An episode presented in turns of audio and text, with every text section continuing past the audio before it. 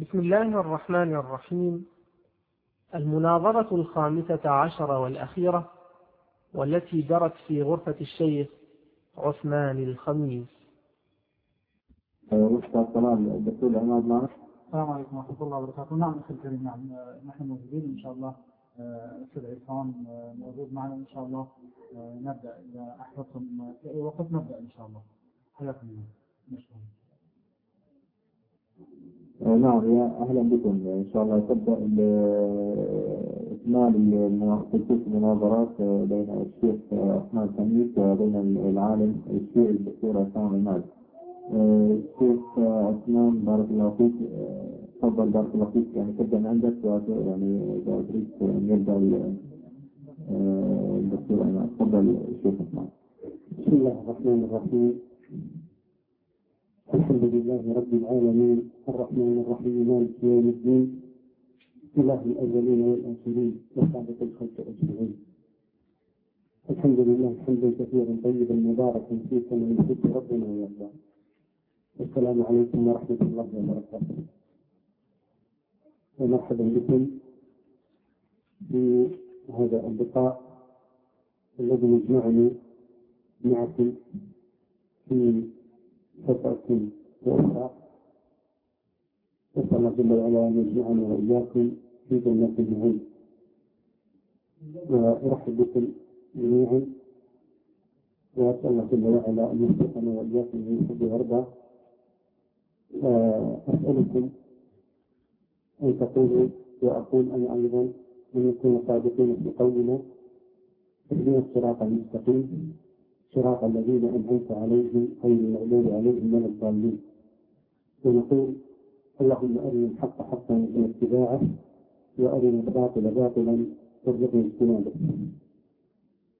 نسأل الله جل وعلا أن يوفقنا جميعا إلى ما يحب ويرضى وأهلا ومرحبا بالدكتور عصام وفليتفضل يتكلم إن شاء الله طيب خير إن شاء الله. بس شيخنا الشيخ عثمان بس عندي طلب واحد رجاء أنا قبل لا أتكلم في العصام. إلى الأخ محمد علي وجميع الإخوة المشرفين على المناظرة. حتى لا نعود إلى الكتابات على الفيس وحتى لا نضيع الوقت على الإخوة المستمعين جميعا. أنا أتمنى من الجميع إذا كان في مكاتبة بين ال admin ية تكون عن طريق ال private أنا الآن فتحت private مع الأخ محمد علي وبدأت من عندي الكتابة معه بهذا الشكل. فأتمنى عليكم الشيخ عثمان أنه تطلبوا من الإخوة بما أن الغرفة غرفتكم تطلبوا من الإخوة أنه تكون كتابة على ال private جميعا. فقط الكتابة عكس تكون بالنسبة إلى الوقت. هذا مع الشكر الجزيل. تفضل بسم الله الرحمن الرحيم. رب اشرح لي صدري ويسر لي أمري. واحلل عقدة من لساني يفقه قولي وأفوض أمري. إلى الله. إن الله رسول الله في البداية الحقيقة يجب أن أعتذر لما حدث في الجلسة الماضية من سوء إدارة. ونعتذر للجميع. وفي الحقيقة أن التفسير كان من قبل الجميع. سواء من قبل إخواننا من عشرية أو من قبل إخواننا من الوهابية وأرجو كذلك أن يكون الحوار هادئا بين الاثني عشريين وبين الوهابيين وأن نعرف أننا نتعامل مع إنسان لا مع آلات وأجهزة. نتعامل مع بشر حقيقيين سواء كانوا من الوهابيين أو من الاثني عشريين لهم عواطف وقيم. وخلفيات ووجهات نظر ولهم أخلاق إسلامية والتزام بآيات وروايات تتحدث عن الأخلاق الإسلامية. يجب أن نعرف أنه حوار يدور بين كائنات بشرية لها ردود أفعال وقد يسبب الأسلوب الشديد في التعامل مع الاثني عشرية أو في التعامل مع الوهابية إلى تدمير عملية الحوار وإلى أن يكون ما استمعنا من أجله وهو التقريب بين المسلمين وبين الوهابية والاثني عشرية يكون آه نقض لهذا الهدف الرئيسي الذي استمعنا من أجله. ومن المفيد أن نسأل أنفسنا كوهابيين أو كاثني عشريين هل نحن نراعي الآداب الإسلامية أثناء الحوار مع الاثني عشرية كوهابيين؟ وهل نحن نراعي الآداب الإسلامية في الحوار مع الوهابيين كاثني عشريين؟ أكثر من مرة. أنا أضعت نقطة حمراء عليك. توقف عن استعمال لفظ الوهابية. توقف عن استعمال لفظ الوهابية. تأكد لو سمحت. عفوا. عفوا شيخ عثمان. شيخنا شيخ عثمان. نحن الآن في غرفتنا يا شيخ عثمان. إذا كان دمشقية آه، بده يدير المناظرة بهذا الشكل فهذا مرفوض يا شيخ عثمان. نحن من البداية قلنا وطلبنا أنه نترك القضايا هاي. آه، الدمشقية هاي مو من حقه يتدخل في القضايا الشيخ عثمان الخميس هو يتدخل وإذا طلب أنه يغير سيد عصام الكلمة فلسيد عصام له الحق. وأنا أطلب من الأخ العزيز أختار الحق أنه لا يتكلم بعد إن شاء الله ولا يكتب هنا فقط يتابع مع الأخ محمد علي على البرايك إن شاء الله. شيخ عثمان تفضل. لكم مايك إذا أنتم تطلبوا من الإخوة جميعا الالتزام بهذا الأسلوب تفضل شيخ عثمان. مايك معكم حتى بعد يتكلم إن شاء الله السيد الإسلام السلام عليكم ورحمة الله. في خلال دقيقتين أو ثلاث دقائق استعملت كلمة وهابية 24 مرة لماذا تركز على هذا هذا التحكم؟ تسمي نفسك اثني عشري. أرجو الإنصاف يا دكتور. اليوم تركز على هذا اللفظ أرجو استعمال الأدب. تعلم أننا لا نرضى بهذا اللفظ وتعلم أننا نستضيفك هنا ونحترمك ولا نستعمل لك غير فأرجو التأدب. أرجو التأدب. السلام عليكم ورحمة الله وبركاته. خير إن شاء الله. اسم الدكتور؟ طيب خير إن شاء الله. الشيخ عثمان إن شاء الله الآن يكون تبع عصام وبعد إن شاء الله أنت توجهوا للإخوة انه لا أحد يتدخل رجاء يعني حتى نحافظ على المناظرة ونحافظ على الوقت ونحافظ إن شاء الله على سير المناظرة بشكل سليم. تفضل بسم الله الرحمن الرحيم. اولا هذا خلاف الاتفاق. نحن اتفقنا من بداية المناظرة أنه لا توضع نقطة لا على الشيخ عثمان الخميس في غرفتنا ولا توضع نقطة علي في غرفتكم. ومن هنا أنا أرى أنه ليس أسلوب يعني. هذا على الشيخ عثمان الخميس ممكن أنه يطلب.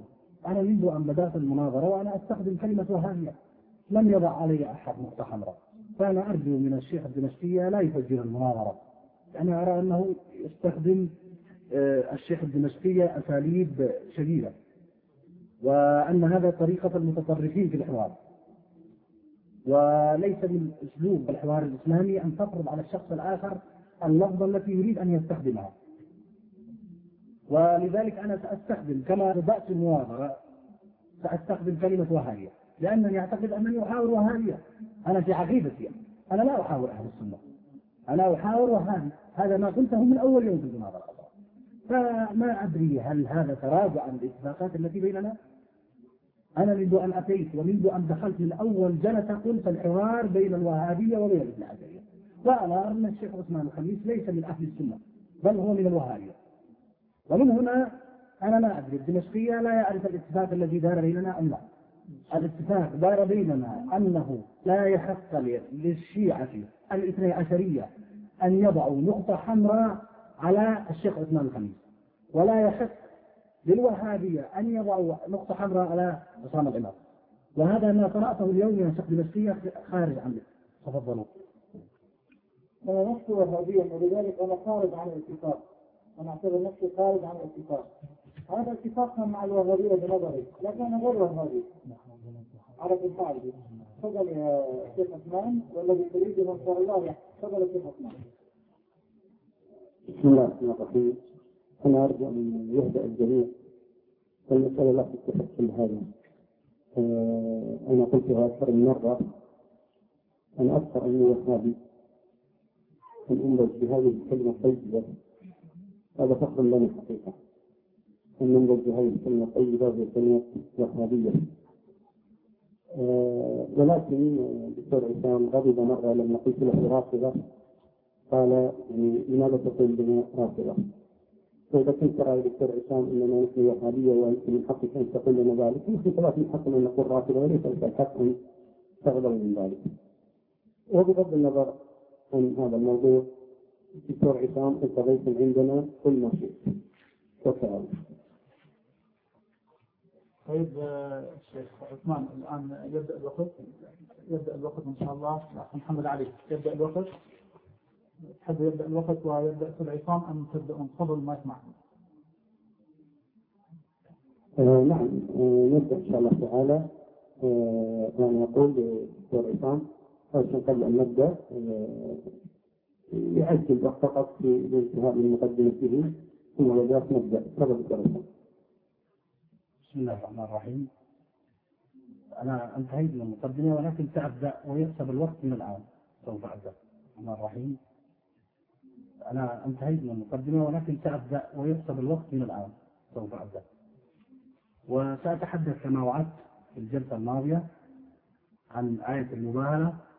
وعن دور بني أمية في صرفنا عن آية المباهلة وعن الآيات الواردة في أهل البيت وقبل أن نتحدث عن دور بني أمية أبدأ في الحديث وفي استمرار ما وعدت في إكمال البحث عن آية المباهلة.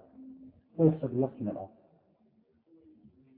أقول في الحقيقة أنها حكمة إلهية. وأحب أن ألفت أخي وحبيبي الشيخ عثمان الخميس إلى قضية هامة في منتهى الأهمية وهي عندما نبحث عن آية المباهلة يجب أن نلتفت إلى صيغة الصلاة الإبراهيمية التي يرددها كل مسلم في صلاته لماذا اختار الله هذه الصيغة في الصلاة؟ أليس من الواجب أن نسأل القرآن الكريم ما هو مقام آل إبراهيم في القرآن الكريم حتى نعرف مقام آل محمد؟ لأن الله أمرنا أن نكون في الصلاة وفي التشهد. اللهم صل على محمد وعلى آل محمد كما صليت على إبراهيم وعلى آل إبراهيم. وبارك على محمد وعلى آل محمد كما باركت على إبراهيم وعلى آل إبراهيم.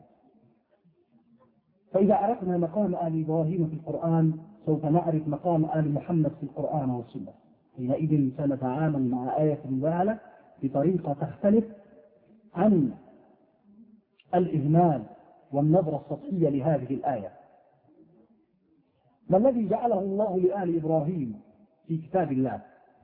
ونطق الوحي بآيات كثيرة وردت في سورة النساء وفي سور أخرى. تقدم بهذا التقديم المذهل العظيم. قال تعالى أم يحسدون الناس على ما آتاهم الله على ما آتاهم الله من فضله فقد آتينا آل إبراهيم الكتاب والحكمة وآتيناهم ملكا عظيما. الله تعالى يرسل لآل إبراهيم هذا المقام العظيم. هم أهل الكتاب والحكمة كما نطق في الآية. والنبي يقول تركت فيكم الثقلين كتاب الله وأهل بيتي كما في صحيح مسلم. فكما أن آل إبراهيم هم أهل الكتاب والحكمة وهكذا أهل البيت هم أهل الكتاب والحكمة. والله في كتابه قرن آل إبراهيم بالكتاب والنبي في سنته قرن آل محمد بالكتاب. ولكن أهل السنة فصلوا بين بيت النبي والكتاب وإن كانوا لا يقولون بالفصل بين آل إبراهيم وآل محمد ومن هنا يصلون عليهم بالصلاة الإبراهيمية ويقولون اللهم صل على محمد وعلى آل محمد كما صليت على إبراهيم وعلى آل إبراهيم وبارك على محمد وعلى آل محمد كما باركت على إبراهيم وعلى آل إبراهيم. في كل صلاتهم عند التشهد.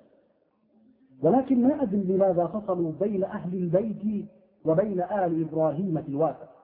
ولو تأملوا وأنصفوا لعلم الحق. أيصح؟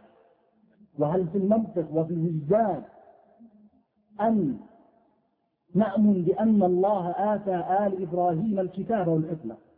ثم ننكر أن الله آتى آل محمد مع وجود حديث الثقلين.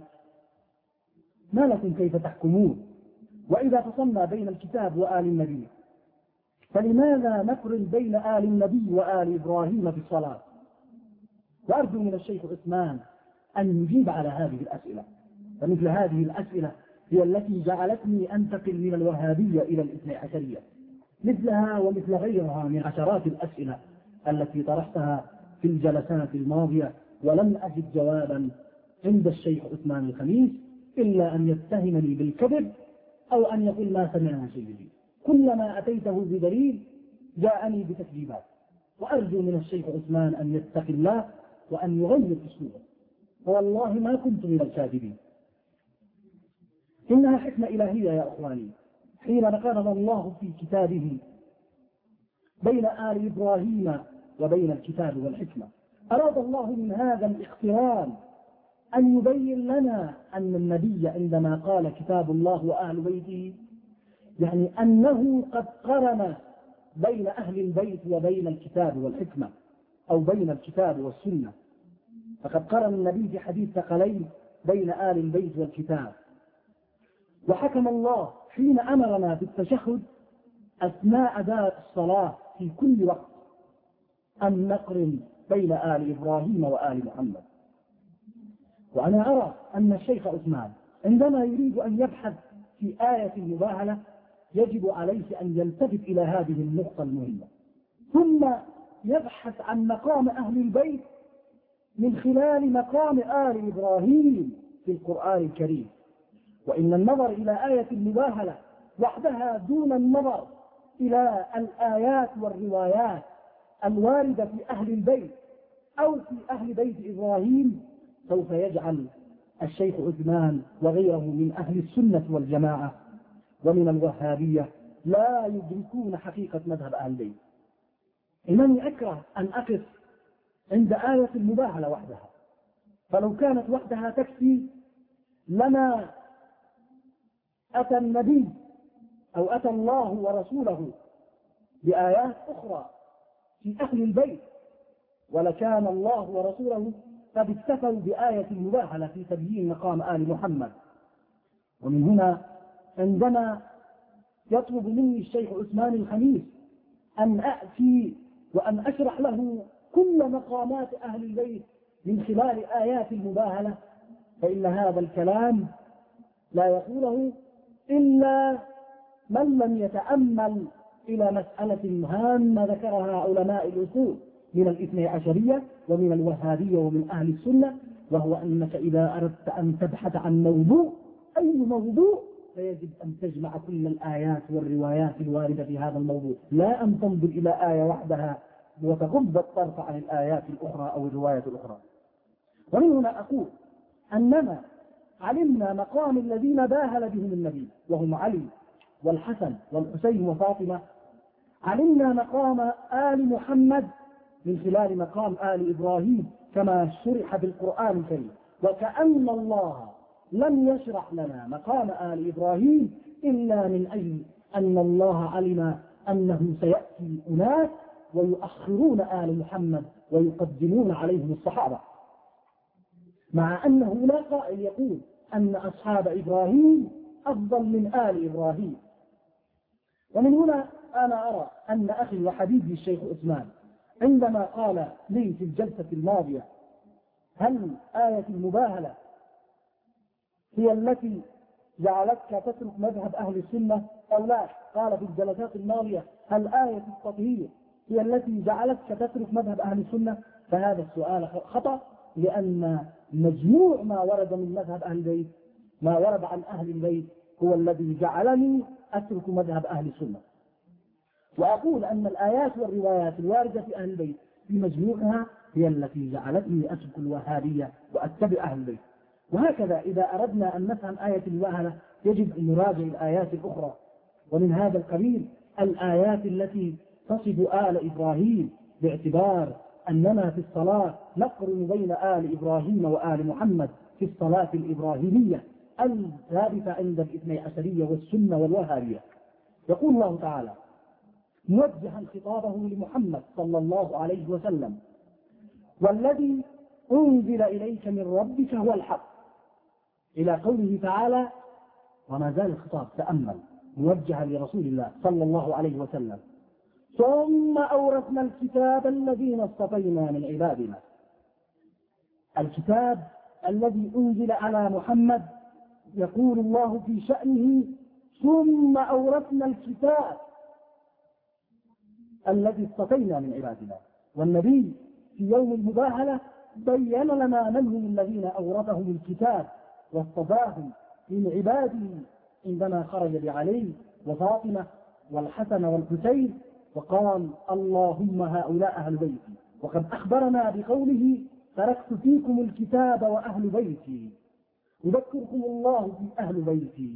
يذكركم الله في أهل بيتي. يذكركم الله في أهل بيتي. أخبرنا بذلك بأنهم هؤلاء هم ورثة الكتاب وإلا لما كانوا قرناء الكتاب.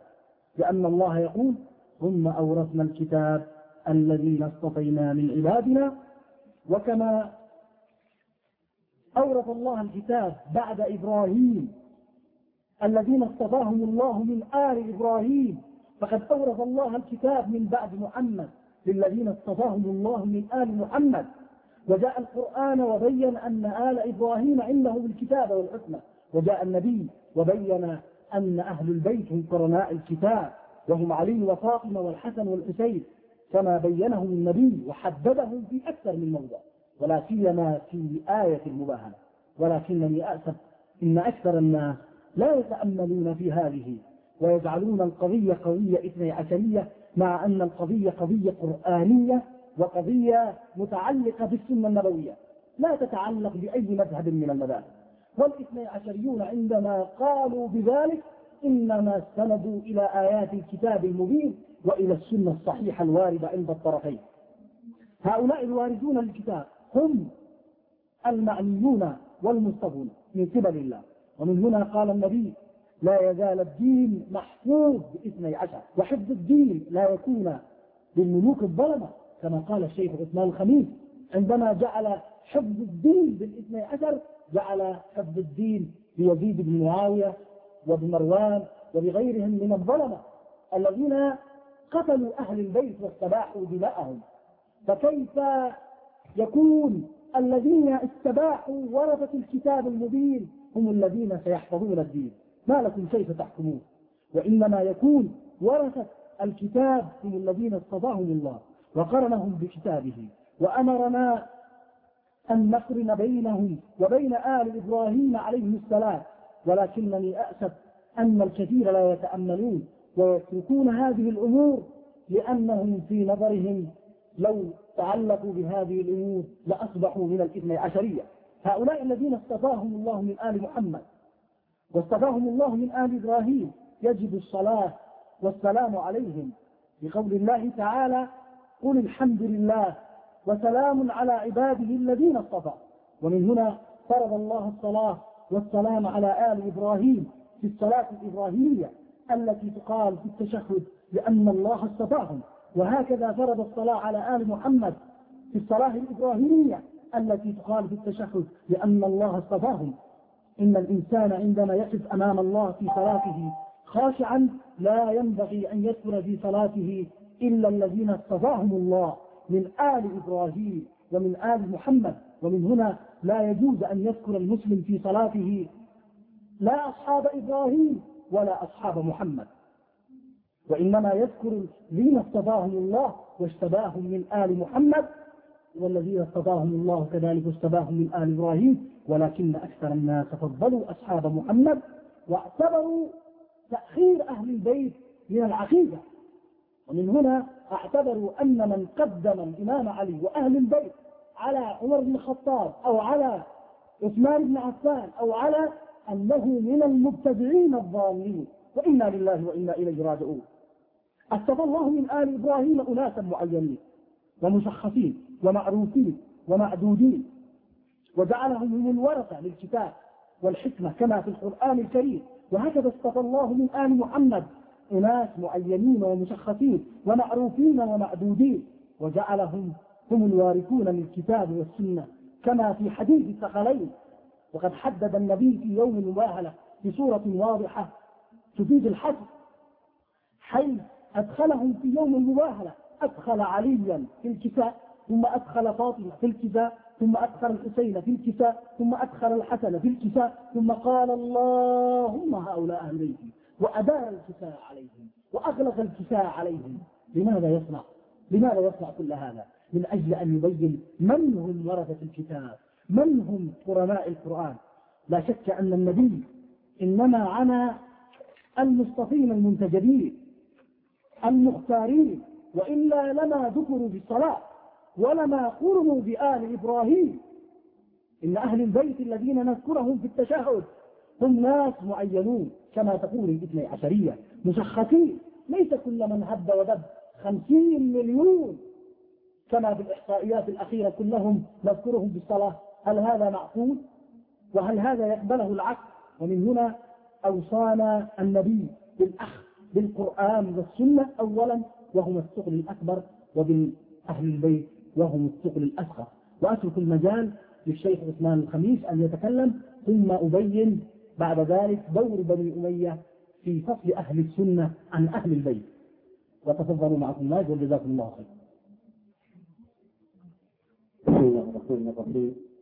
الحمد لله رب العالمين وصلى الله وسلم وبارك على نبينا محمد وعلى آله وصحابته أجمعين. أما بعد فكنا نتمنى أن يتكلم الدكتور عصام عن آية المباهلة. بينما نجد أنه خرج عن الموضوع كثيرا وقد ذكر دكتور عصام في معرض كلامه أن البحث في آل بيت النبي صلى الله عليه وسلم يكون من خلال النظر في آل إبراهيم. ثم استدل بقول الله تبارك وتعالى أن يحسدون الناس على ما آتاهم الله من فضله؟ فقد آتينا آل إبراهيم الكتاب والحكمة وآتيناهم ملكا عظيما وأنا أوجه سؤالين للدكتور عصام قبل أو ثالث أسئلة للدكتور عصام قبل أن يستمر. السؤال الأول أكمل الآية التي بعد هذه الآية؟ أقول للدكتور عصام إنك تقول إن البحث في آل بيت النبي صلى الله عليه وسلم يكون من خلال النظر في آل إبراهيم. فأقول أسمع الناس الآية التي بعد قول الله تبارك وتعالى أن يحسدون الناس على ما آتاهم الله من فضله. هذا الأول. أما الثاني فقوله الذين اصطفاهم الله من آل إبراهيم معروفون ومعدودون أنا لا أعرفهم ولعل الكثيرين لا يعرفونهم. فإن كنت تعرفهم بل تقول معروفون معدودون ونريد أن نعرفهم. أعلمنا منهم. وأما الأمر الثالث فقبل أن تنتقل عن آية المباهلة أخبرنا أين الدلالة في آية المباهلة؟ على الإمامة وأين الدلالة من آية المباهلة على العصمة. فأنت إنما ذكرت آية المباهلة لتستدل بها على الإمامة فموضوعنا الإمامة. وما تدل عليه آية المباهلة. ولن تخرج من هذا كما خرجت في آية الكتاب أو آية التطهير وحديث الكتاب حيث لم تذكر الدلالة من آية التطهير وحديث الكتاب على الإمامة والعصمة. ونحن نطالبك أن تذكر لنا الدلالة من آية المباهلة على الإمامة والعصمة وأن تجيب عن السؤالين من خلال كلامك الذي ذكرته الآن وأسمع الناس الآية لو سمحت تفضل. بسم الله الرحمن الرحيم. أنا أريد قبل أن ندخل في التفصيل في هذه المسائل التي ذكرها الشيخ عثمان الخميس أن يجيبني على هذا السؤال. لماذا قرن الله ورسوله بين آل إبراهيم وآل محمد في الصلاة الإبراهيمية الثابتة عند جميع المسلمين؟ أجل أن يجيب على السؤال فإذا اتفقنا في هذه الكلية سوف نناقش الجزئيات والموارد هل يوافقني؟ لماذا قرن في هذا أجب على هذا السؤال. نعم ذكر الله تبارك وتعالى هذا لبيان مكانته عنده سبحانه وتعالى. تفضل. عثمان رجاء يعني هي راح نرد نرجع للبداية شيخ عثمان. دمشقية شوف يكتب يعني ما بعرف هاي طبعا راح تزيد من الحساسية. يعني الكتابات كتابات الدمشقية مو مو طبيعية يعني. نحن بدنا نحافظ على الجو بدنا نحافظ على إنه المناظرة تظل مستمرة بشكلها الطبيعي. فنتمنى منكم إنه تطلب من الدمشقي انه لا يكتب هالكتابات بعد. الإخوة الكرام رجاء شايف أنا أنا هذا هذا اللي شايف يعني شوف شيخ عثمان. يعني لازم الإخوة يردوا علي ولازم يرد عليهم فانا أرجو من الإخوة جميعا رجاء من الإخوة جميعا إنه لا أحد يكتب محمد علي ونحن اتفقنا على إنه أي واحد بده الشيء يكتبه على على البرايت. تفضل طيب عفوا الشيخ يريد منه تفضل شيخ عثمان. نعم أنا أطلب من الجميع أن لا يكتب شيئا. فقط الذي يكتب محمد علي عن الساعة الوقت وأي أحد عنده أي استفسار عن الوقت يسأل محمد علي عن طريق المراسلات فقط لا يكتب فقط لا أحد يكتب بارك الله فيكم أحسن جزاكم الله خير. بسم الله الرحمن الرحيم. إذا أتفقت معي أنه أراد الله سبحانه وتعالى أن يبين مقام أهل البيت أنه كمقام آل إبراهيم. إذا فما المانع أن نبحث عن مقام آل إبراهيم في القرآن الكريم لأجل نعرف مقام أهل البيت؟ ما هو المانع من ذلك؟ تفضل معك الله الشرع إن شاء الله. ضيع أجل أسأل في قصة لك. ما نبحث في مقام آل إبراهيم أكمل الآن الدلالة من آية المباهلة واجب على الأسئلة تكتب إياها ولما تحافظ الآية أنا أكتبها ما في مشكلة؟ بسم الله الرحمن الرحيم. أنا في الحقيقة ما أدري الشيخ عثمان الخميس يريد فقط أن يستمع. أنا تكلمت 16 دقيقة وأنت تكلمت فقط ثلاث دقائق. أنا أريد فقط أن تسمعنا شيء ولكن سأجيب على سؤال حتى تعرف القضية ليست أنه لا يستطيع أن يجيب عن سؤال. الأسئلة التي سألتها لها إجابات ولكن الآن مر كثير من وقتي ووقتك ما زال محفوظ. لأنك لا تتكلم فقط توجه أسئلة فقط لا تضرع موضوع. قال الله تعالى أن يحسدون الناس على ما آتاهم الله من فضله؟ فقد آتينا آل إبراهيم الكتاب والحكمة وآتيناهم ملكا عظيما. فمنهم من آمن به ومنهم من صف عنه. وكفى بجهنم سعيرا. فنجد هنا أن الله سبحانه وتعالى أخبرنا في هذه الآية أن هنالك أناس حسدوا آل إبراهيم. وفي التاريخ كذلك نجد أن هنالك أناس حسدوا آل محمد. فهذه مشابهة في هذه الناحية. ونجد أن الله قد آتى آل إبراهيم كما في الآية الكتاب والحكمة. ونجد أن النبي قال تركت فيكم ما إن تمسكتم به لن تضلوا بعدي أبدا. كتاب الله وأهل بيته. ونجد أنه قال الله وآتيناهم ملكا عظيما. فما دام أن الله قد آتاهم ملكا عظيما فلا ينبغي لرجل يأتي وينكر أن لآل إبراهيم ملكا عظيما. لكننا نأسف أنهم جاءوا وأنكروا وقالوا لا تجتمع الخلافة والوصية في بيت واحد وقالوا لا يجتمع كذلك الملك والكتاب في بيت واحد في آل محمد.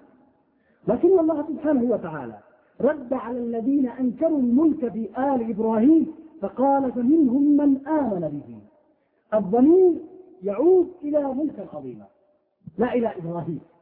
عندما ننظر إلى سياق الآية. فمنهم من آمن به ومنهم من صد عنه منهم من آمن بالملك العظيم لآل إبراهيم ومنهم من صد عن الملك العظيم لآل إبراهيم. ثم قال الله وكفى بجهنم سعيرا أي أن من أنكر أن يكون لآل إبراهيم الملك العظيم فسوف يكون مصيره وكفى بجهنم سعيرا. وقال النبي الأكرم جعل الهداية لأهل البيت وقال من يفترق حتى يرد على الحوض فمن لم يكن أهل البيت فلن يهتدي إلى الحق. فهذا طبقته فأعتقد أنه من وقت كبير وأريد أن أسمع شيء من الشيخ عثمان الخميس ثم أنا سأجيب كل سؤال أجيب. ولكن أنا أتعلم كثير لماذا أنا وظيفتي أن أجيب والشيخ عثمان لا يجيب عن أسئلتي وقال في الجلسة الماضية لن أجيب. هكذا قال لي عبد الرحمن فأرجو من الشيخ عثمان أن يكون موسى وأن لا يدعي وقتي يمضي وهو وقته فقط ثلاث دقائق بينما الآن أنا وقتي سبعة عشر دقيقة. يريد تكون مناظرة وإلا أنا ألقي محاضرة يوم الثلاثاء وأنت تأتي تلقي محاضرة يوم الأربعاء. تفضل معك المايك بسم الله الرحمن الرحيم يقول أنا اتكلم انت انت تتكلم كلام فاضي دكتور عصام تكتب الموضوع كلام كلام فاضي تكتب انت تكتب بأي حديث أي شيء تتكلم فيه فقد تكلمت كثيرا. اذا قلت أنت لا تعرف لا تتكلم أنا ما ذنبي أنا أريد أن أتكلم في الموضوع. انت تكلمت كثيرا ما تفهم شيء ومن ضمن كلامك عفوا دكتور تفضل يعني قول الله تبارك وتعالى أن يحسدون الناس على ما آتاهم الله من فضله قال آتينا آل إبراهيم الكتاب والحكمة. وآتيناهم ملكا عظيما. آتى الله آل إبراهيم ملكا عظيما. سبحانه وتعالى. ثم الله جل وعلا يقول ومنهم من آمن به ومنهم من صد عنه. منهم من آمن به الملك كعصام ومنهم من صد عن الملك كعصام أنت تتلاعب بالقرآن؟ وكفى بجهنم بعيرا دكتور عصام لا تعبث بكتاب الله لا تعبث بكتاب الله تبارك وتعالى. هذا أمر. الأمر الثاني قلت انهم معروفون معدودون. آل إبراهيم.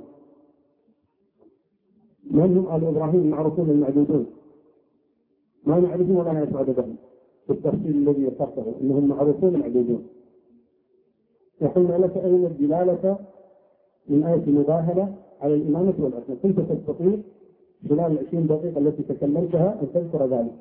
أن تتكلم عن الدلالة الإمامة والعصمة من آية المباهلة أما الحديث الذي ذكرته فلا شأن له بموضوعنا أنت أضعت وقتك دكتور عصام. تفضل دكتور عصام. بسم الله الرحمن الرحيم. أنا تحدثت أربع جلسات خمس جلسات عن آية المباهلة وما زال عندي كلام كثير بآية المباهلة في جلسات أخرى. لكن أنا لم أسمع شيء إلى الآن من الشيخ عثمان حول آية المباهلة خلاص أريد أسمع شيء. تفضل شيخ عثمان.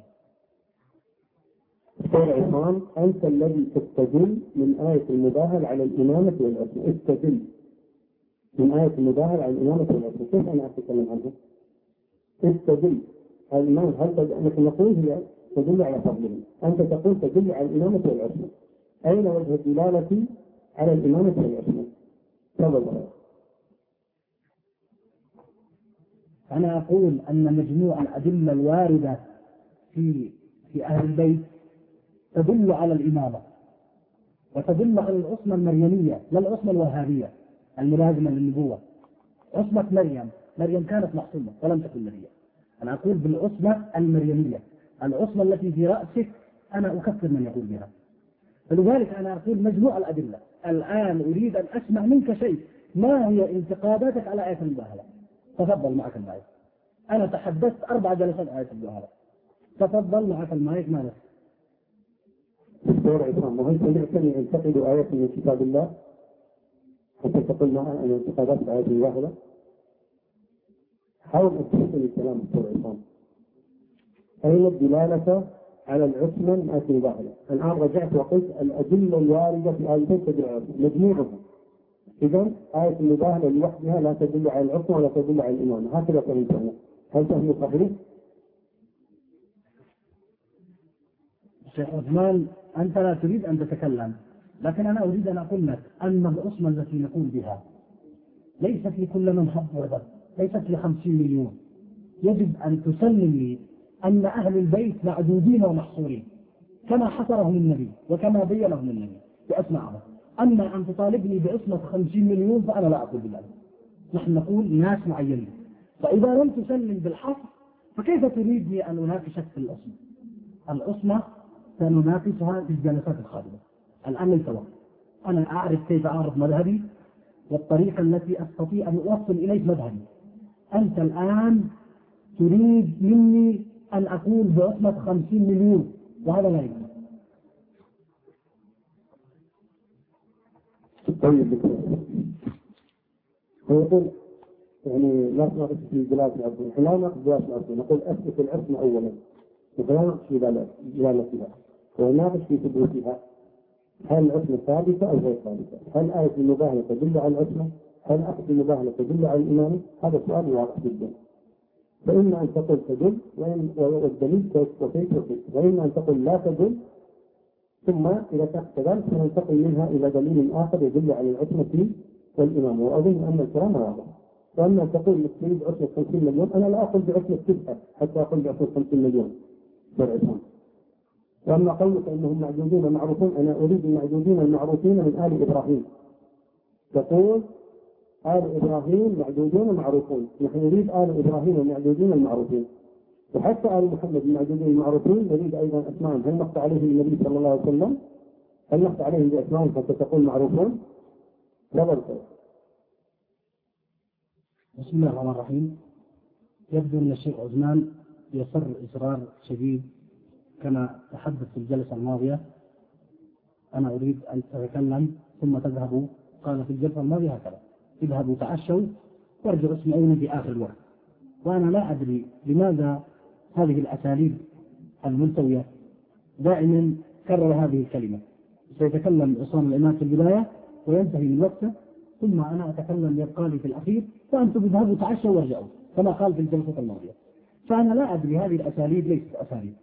وأقول لا مانع من ذلك فسأتكلم شيء مختصر وكما وعدت نقول أنه آه، الشيخ عثمان الخميس للأسف الشديد في الجلسة الماضية تعامل مع آية المباهلة بشكل سلبي وبشكل سطحي حيث قال أنا باستطاعتي أن آتي بأهل بيتي وأدخلهم بالكساء وأقول اللهم هؤلاء أهل ماذا فيها؟ ماذا يريد؟ وأنا باستطاعتي أن أباهل بأبنائي ماذا في المباهلة شيء. فأنا أريد أن أقول أن هذا الكلام في منتهى الثابت لأن هذا الكلام يعني إهمال كتاب الله وإهمال سنة نبيه ونحن لم نهتم في يوم المباهلة ولم نهتم بأهل الكساء الذين أخرجهم النبي معه لأجل المباهلة لم نهتم بأهل الكساء ولا بآية المباهلة ولم نهتم بالإمام علي ولا بفاطمة ولا بالحسن والحسين ولا ببقية الاثني عشر من أئمة أهل البيت لن نهتم بهم. لو لم يكن الله ورسوله قد أهتم بهم. والله لو لم يؤمرنا الله ورسوله. في حديث ثقلين بالتمسك بالقرآن والسنة وبالتمسك بأهل البيت لكنا تركناهم ولم نتبعهم. إن اهتمامنا بآية المباهلة هو اهتمام بالقرآن الكريم واهتمام بالسنة النبوية. إن الذين يقولون لا تبحثوا ولا تحاولوا في آية المباهلة. إنما ينهون عن الاهتمام بالكتاب والسنة. وإن النهي عن الحوار في آية المباهلة أو آية التطهير والنظرة السطحية فيها يدل دلالة كاملة على أن الإنسان ليس منصفا في البحث عنها. وأريد أن أبين أن الشيخ عثمان الحميد عندما تعامل مع الآية مع آية المباهلة بهذه الصورة ليس التعامل كان منه فحسب بل للأسف الشديد الكثير من الذين مثل الشيخ عثمان الخميس يمرون بالآية هذه مرور الكرام ولا يتعاملون مع الآية بشكل سليم. بل ينتظرون من الشيعة ومن الاثني عشرية أن يأتون بحديث المنزلة مثلا. ثم يقولون لهم هل حديث المنزلة هذا يدل على جميع ما تستدلون به من عقائدكم؟ وينسون أنه لو كان هنالك آية أو رواية تدل على جميع مقامات أهل البيت لكان النبي أكتفى بآية المباهلة ولكان النبي أكتفى بحديث المنزلة. ولكن أنا كما وعدت في البداية أني سأتحدث جزء من وقتي عن آية المباهلة وجزء من وقتي وقتي قد شارف على الانتهاء عن أثر الدولة الأموية في التعامل المهمش مع الآيات والروايات الواردة في أهل البيت. فقد كانت الدولة الأموية ترفض حياة وبقاء أهل البيت وتخشى عاقبة وجود أي فكرة أو رواية أو شخصية علمية تنسب إلى النبي وإلى أهل البيت. وأسست الدولة الأموية على أساس إبعاد أهل البيت في الحكم والفكر والفقه والرواية. واستخدمت في محاربة أهل البيت وسائل لم يسبقها إليها سابق ولم يلحقها نظير لها في تلك الوسائل إلى هذا القرن العاصر. فمن تلك الوسائل في الإبادة كما صنعت هذه الدولة من عبادة أهل البيت في كربلاء. وكما وضعت الروايات التي تطعن في أهل البيت. ومن هذه الوسائل تم العزل فعزلت أهل البيت وجعلت الناس يأخذون من غيرهم كما ذكرت لكم في الجلسة الماضية عندما قال الإمام الصنعاني أن أهل السنة تركوا الصلاة على آل النبي خوفا وتقيا من بني أمية. فكان بني أمية يطعنون في كل من اتصل بأهل البيت ومن هذه الوسائل فن التشويه فشوهت الدولة الأموية في شيعة أهل البيت وما زالت الصورة مشوهة إلى زماننا. وكانت الدولة الأموية تثابر على محاولة عزل أهل السنة عن أهل البيت. ومن هنا قال شيخ الإسلام تيمية لم يأخذ أهل السنة عن أهل البيت. وقال الإمام محمد أبو زهرة إمام أهل السنة في العصر الحديث لقد كان لبني أمية دور في إبعاد الكثير من المسلمين عن أهل البيت. لأن الدولة الأموية تعلم أن أركان الملك لهم لم يبقى إلا إذا عزلت بين جماهير المسلمين وهم من أهل السنة وبين أهل البيت. ولكن قد يقول قائل ما هي أكبر الأدلة على أن الدولة الأموية هي التي فصلت أهل السنة عن أهل البيت. ولماذا تتهم بني أمية بهذه التهمة كما في الجلسة الماضية اتهمتهم. أقول هذه دعوة ليست مني بل قال بها الإمام الصنعاني وقال بها أبو الأعلاء الموجودي كما في كتابه الخلافة والملك وقال بها الكثير من أهل السنة. سأذكرهم بعد قليل.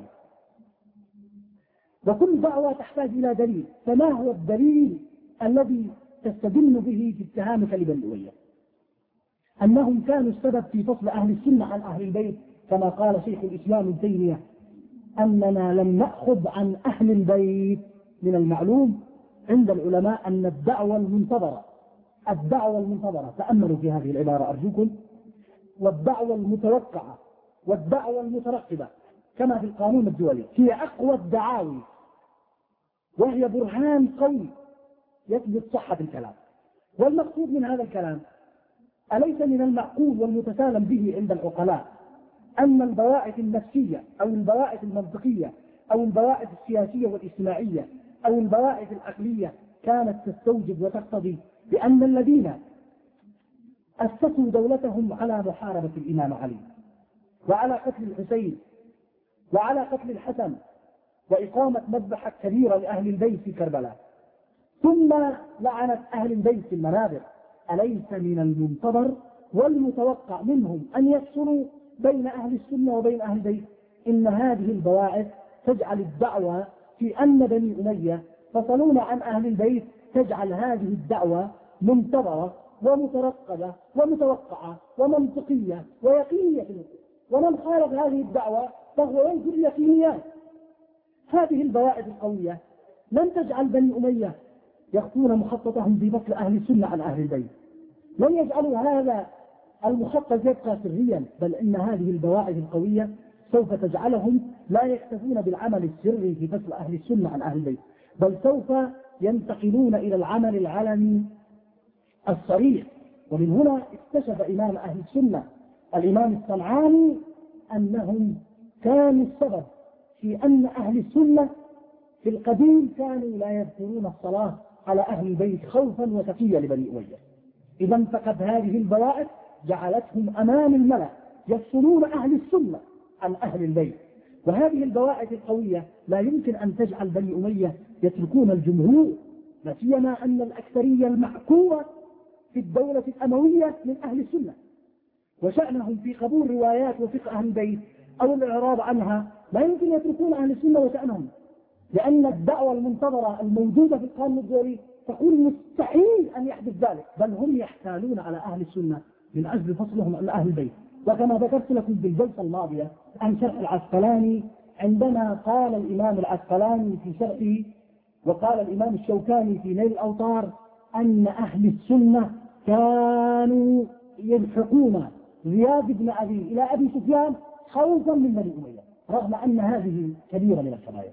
فإذا كان أهل السنة أجازوا أن يرتكبوا كبيرة من الكبائر خوفا من بني أمية أليس من المعقول أن تكون البواعث القوية؟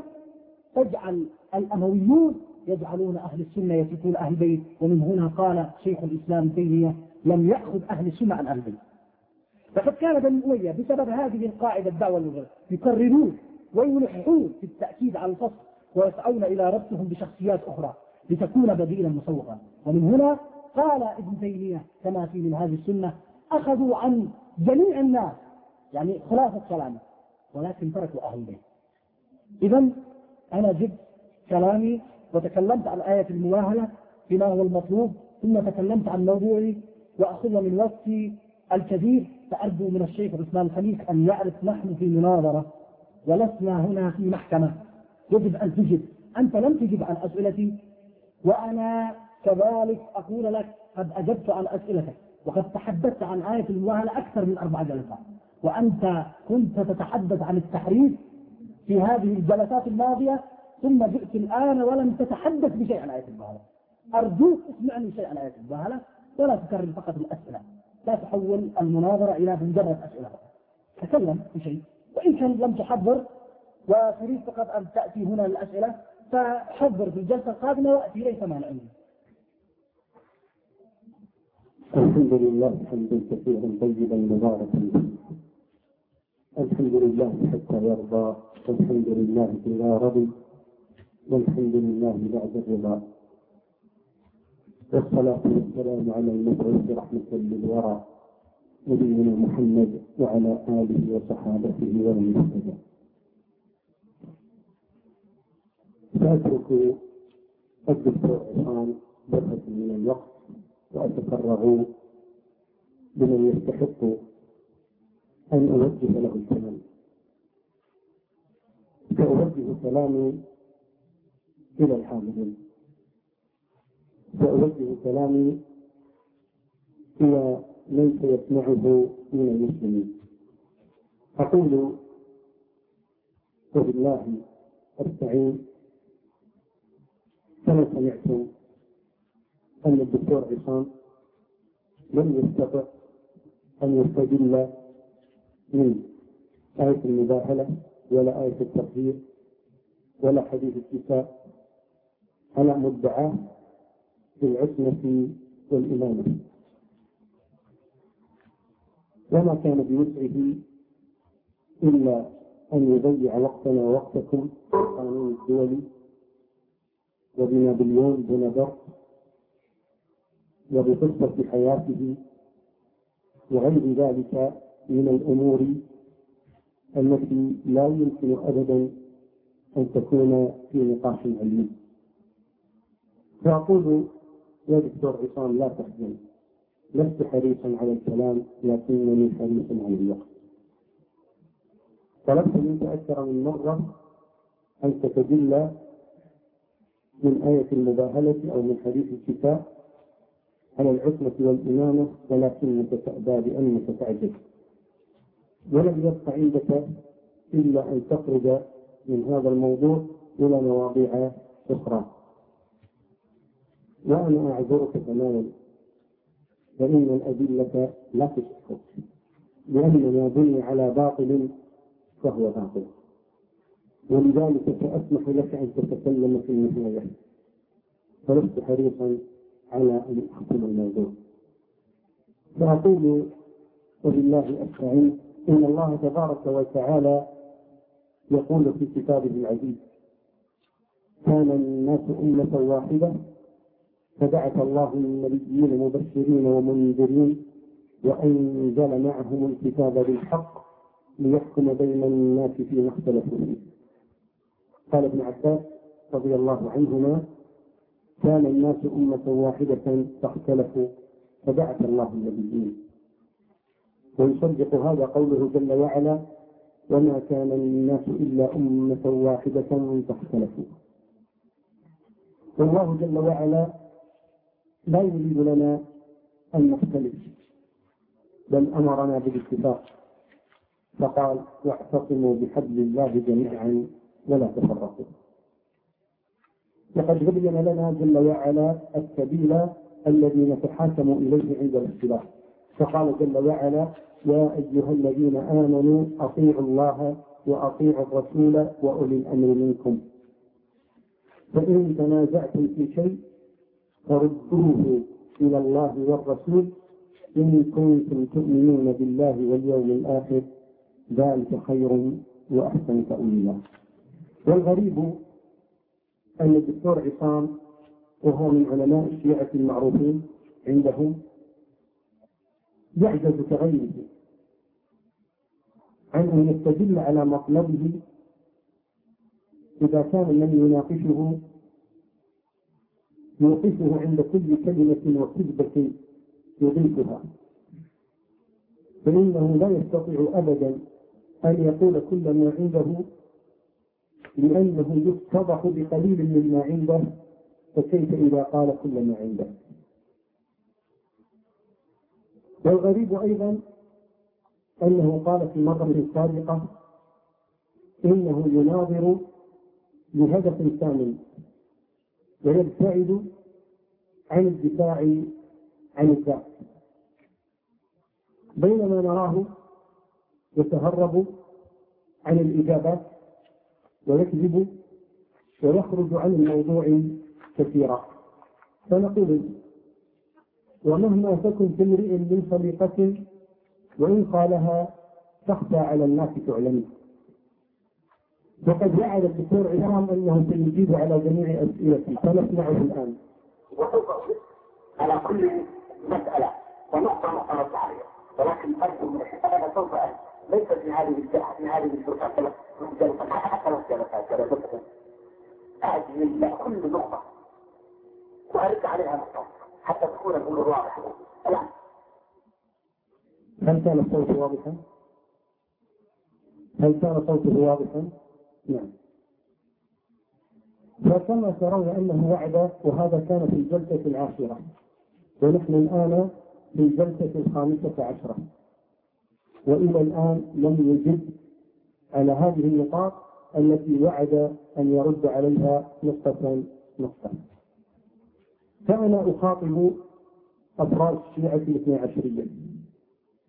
فأقول لهم تفكروا في هذا الأمر جيدا. وهو إذا كان علماؤكم وكبراؤكم يكذبون فبما يتفقون؟ ثم لماذا يكذب الإنسان إذا كان على حق؟ أليس الكذب يهدي إلى الفجور؟ والصدق يألفه الكريم المرتجى والكذب يألفه اللئيم الأخيب. ولقد جمعت كثيرا من كذبات عصام العناد وكثيرا من تهرباته وسأذكرها الآن. ولقد جمعت كثيرا من كذبات عصام العماد وكثيرا من تهرباته وسأذكرها الآن. كذب علي في قوله قال عثمان كنت أظن أنك تقول إن ابن عباس ليس من أهل البيت ولم أقل شيئا من ذلك ولكنه كذب علي فيها. وقال عن منهاج السنة النبوية لشيخ الإسلام ابن تيمية طبع أكثر من أربعين مرة وقال له مئات قد طبعه. وكذب على شيخ الإسلام ابن تيمية في النقل وقال بحروفه وذكر جزءا وصفحة كذبا يزورا وأسمعناه بصوته وهذا أقوله لمن كان يتابع المناظرات كلها. أسمعناه بصوته كذبه وانحرافه عن الحق. وقال إن الشيخ شنتوت والشيخ البشري رحمهما الله أنهما قالا كنا نكفر الاثني عشرية ثم تبين لنا أنا الحق. وسألته أكثر من مرة أن يذكر لنا هذا الكلام أين يوجد؟ فلم يخرج ولا وكذلك قال عني إن عثمان يكفر الاثني عشرية وطلبت منه أن يذكر ذلك أين؟ أو يسمعنا. صوتي فعجز عن ذلك لأنه كذب فيه ولم يقصد وقال عن حديث أم سلمة في الكفاء إنه في مسلم. ثم أنكر لما قلت له ليس في مسلم أنكر قال أنا ما قلت في مسلم فأسمعناه بصوته. أنه قال في مسلم وسكت ولم يرد ولم يعتذر عن كذبه. ثم قال إن الإمام مسلم ذكر أن حديث الاثني عشر كان في غدير قم ولما طلبنا منه ذلك كذلك لم يرد جوابا. وقال إن حديث الكفاء حديث أم سلمة الطحاوي قال إنه صحيح. ولما طلبنا منه قول الطحاوي أي قال أنا ما أقول صححه الطحاوي. فأسمعناه بقوله أن صححه الطحاوي ثم كذلك نقل عن ابن الجوزي أنه قال إن أم سلمة وعائشة ما كانتا تريان أنهما من أهل البيت. قلنا له أين قال هذا ابن الجوزي؟ فلم يحر جوابا. وقال إن الإرادة في آية التطهير تختلف عن غيرها في القرآن. وكذلك لما طلبنا منه إثبات ذلك أنكر وتراجع وقال أنا ما قلت ذلك وإنما قلت التطهير يختلف. وكذلك قال إن شروح صحيح الإمام مسلم الخمسين كلها تقول بقوله. فطلبنا منه أن يذكر لنا هذه الشروح وكيف طلع عليها. وهل توجد في السوق؟ فسكت ولم يحر جوابا. لأنه كذب على الإمام مسلم وكذب في دعواه أن هذه الشروح تقول مثل هذا الكلام. وقال كذلك إن الطحاوي يرى أن أهل البيت هم الخمسة فقط. ولما طلبنا منه نقل ذلك عن الإمام الطحاوي عجز عن ذلك لأنه كذب عليه. وقال عن زيد بن أرقم لما قال في قوله صلى الله عليه وسلم يذكركم الله أهل بيتي. فقيل له ومن أهل بيتي قال آل عباس وآل علي وآل جعفر وآل عقيل. قال الدكتور عصام كذبا وزورا إن زيد بن أرقم لم يسأل عن أهل البيت وإنما سئل عن من حرمت عليه الصدقة. فطلبت منه أن يذكر ذلك وينقله ويقرأه علينا من صحيح مسلم فعجز عن ذلك لأنه كذب على مسلم وكذب على زيد بن أرقم. وكذلك قال إن الإمام مسلم قال استدرك زيد فطلبنا منه أين قال الإمام مسلم هذا الكلام؟ فكذلك لم نسمع جوابه وقال عن محمد علي البار إنه عالم وهابي وقال مرة العلامة الوهابي. فطلبنا منه من قال إن هذا من علماء الوهابية كما يسمينا والله الذي لا إله إلا هو. نفخر بذلك ونعتز إذ ينتسب إلى هذا الرجل رحمه الله تعالى. قال أيضا إنه كان يكفر الاثني عشرية ويلعنهم قبل ترقبه ثم ادعى لما ألزمناه بهذا القول قال أنا ما قلت اني اكفرهم ما كفرتهم ابدا أنتم تكذبون علي. فأسمعناه بصوته. أنه كان يكفرهم ويلعنهم. وقال إن زوجتي ما زالت تكفرهم حتى بعد ترقبه ولا أدري كيف كان يعيش معهم في ذلك الوقت. إذ إنها تكفره وتعيش معه. وهذه طامة كبرى. وكذلك ادعى وهذه تمام العشرين ادعى كذبا وزورا أنه سألني أربعين سؤالا ولم أجب عنها. وذلك في الجلسة الثالثة عشرة. فطلبت منه أن يذكرها وأنا على استعداد تام أن أجيب على جميع هذه الأسئلة. فلم يذكر إلا ثلاثة كنت قد أجبت عليها ثم أجبت عن الأربعين والآن يطيعنا أنني لا أجيب عن أسئلته. والله الذي لا إله إلا هو إني أستغرب ليس منه. فهو قد احترقت أوراقه تماما. ولكنني أستغرب من الذين يستمعون وينظرون إليه وماذا يقول وكيف يرد وكيف يكذب وكيف يبين وكيف يلف وكيف يدور. كيف تكون لهم بعد ذلك ثقة في أمثال هؤلاء العلماء؟ حتى إني طلبت منكم أن تردوا علي. يلعن علماءكم الكبار. لا تأتيني بكلام الغلاة لعنهم الله. هكذا قالها بهذا الله. فلن استسلموا والله الذي لا إله إلا هو من الشيعة. سيقطعونك إربا إربا.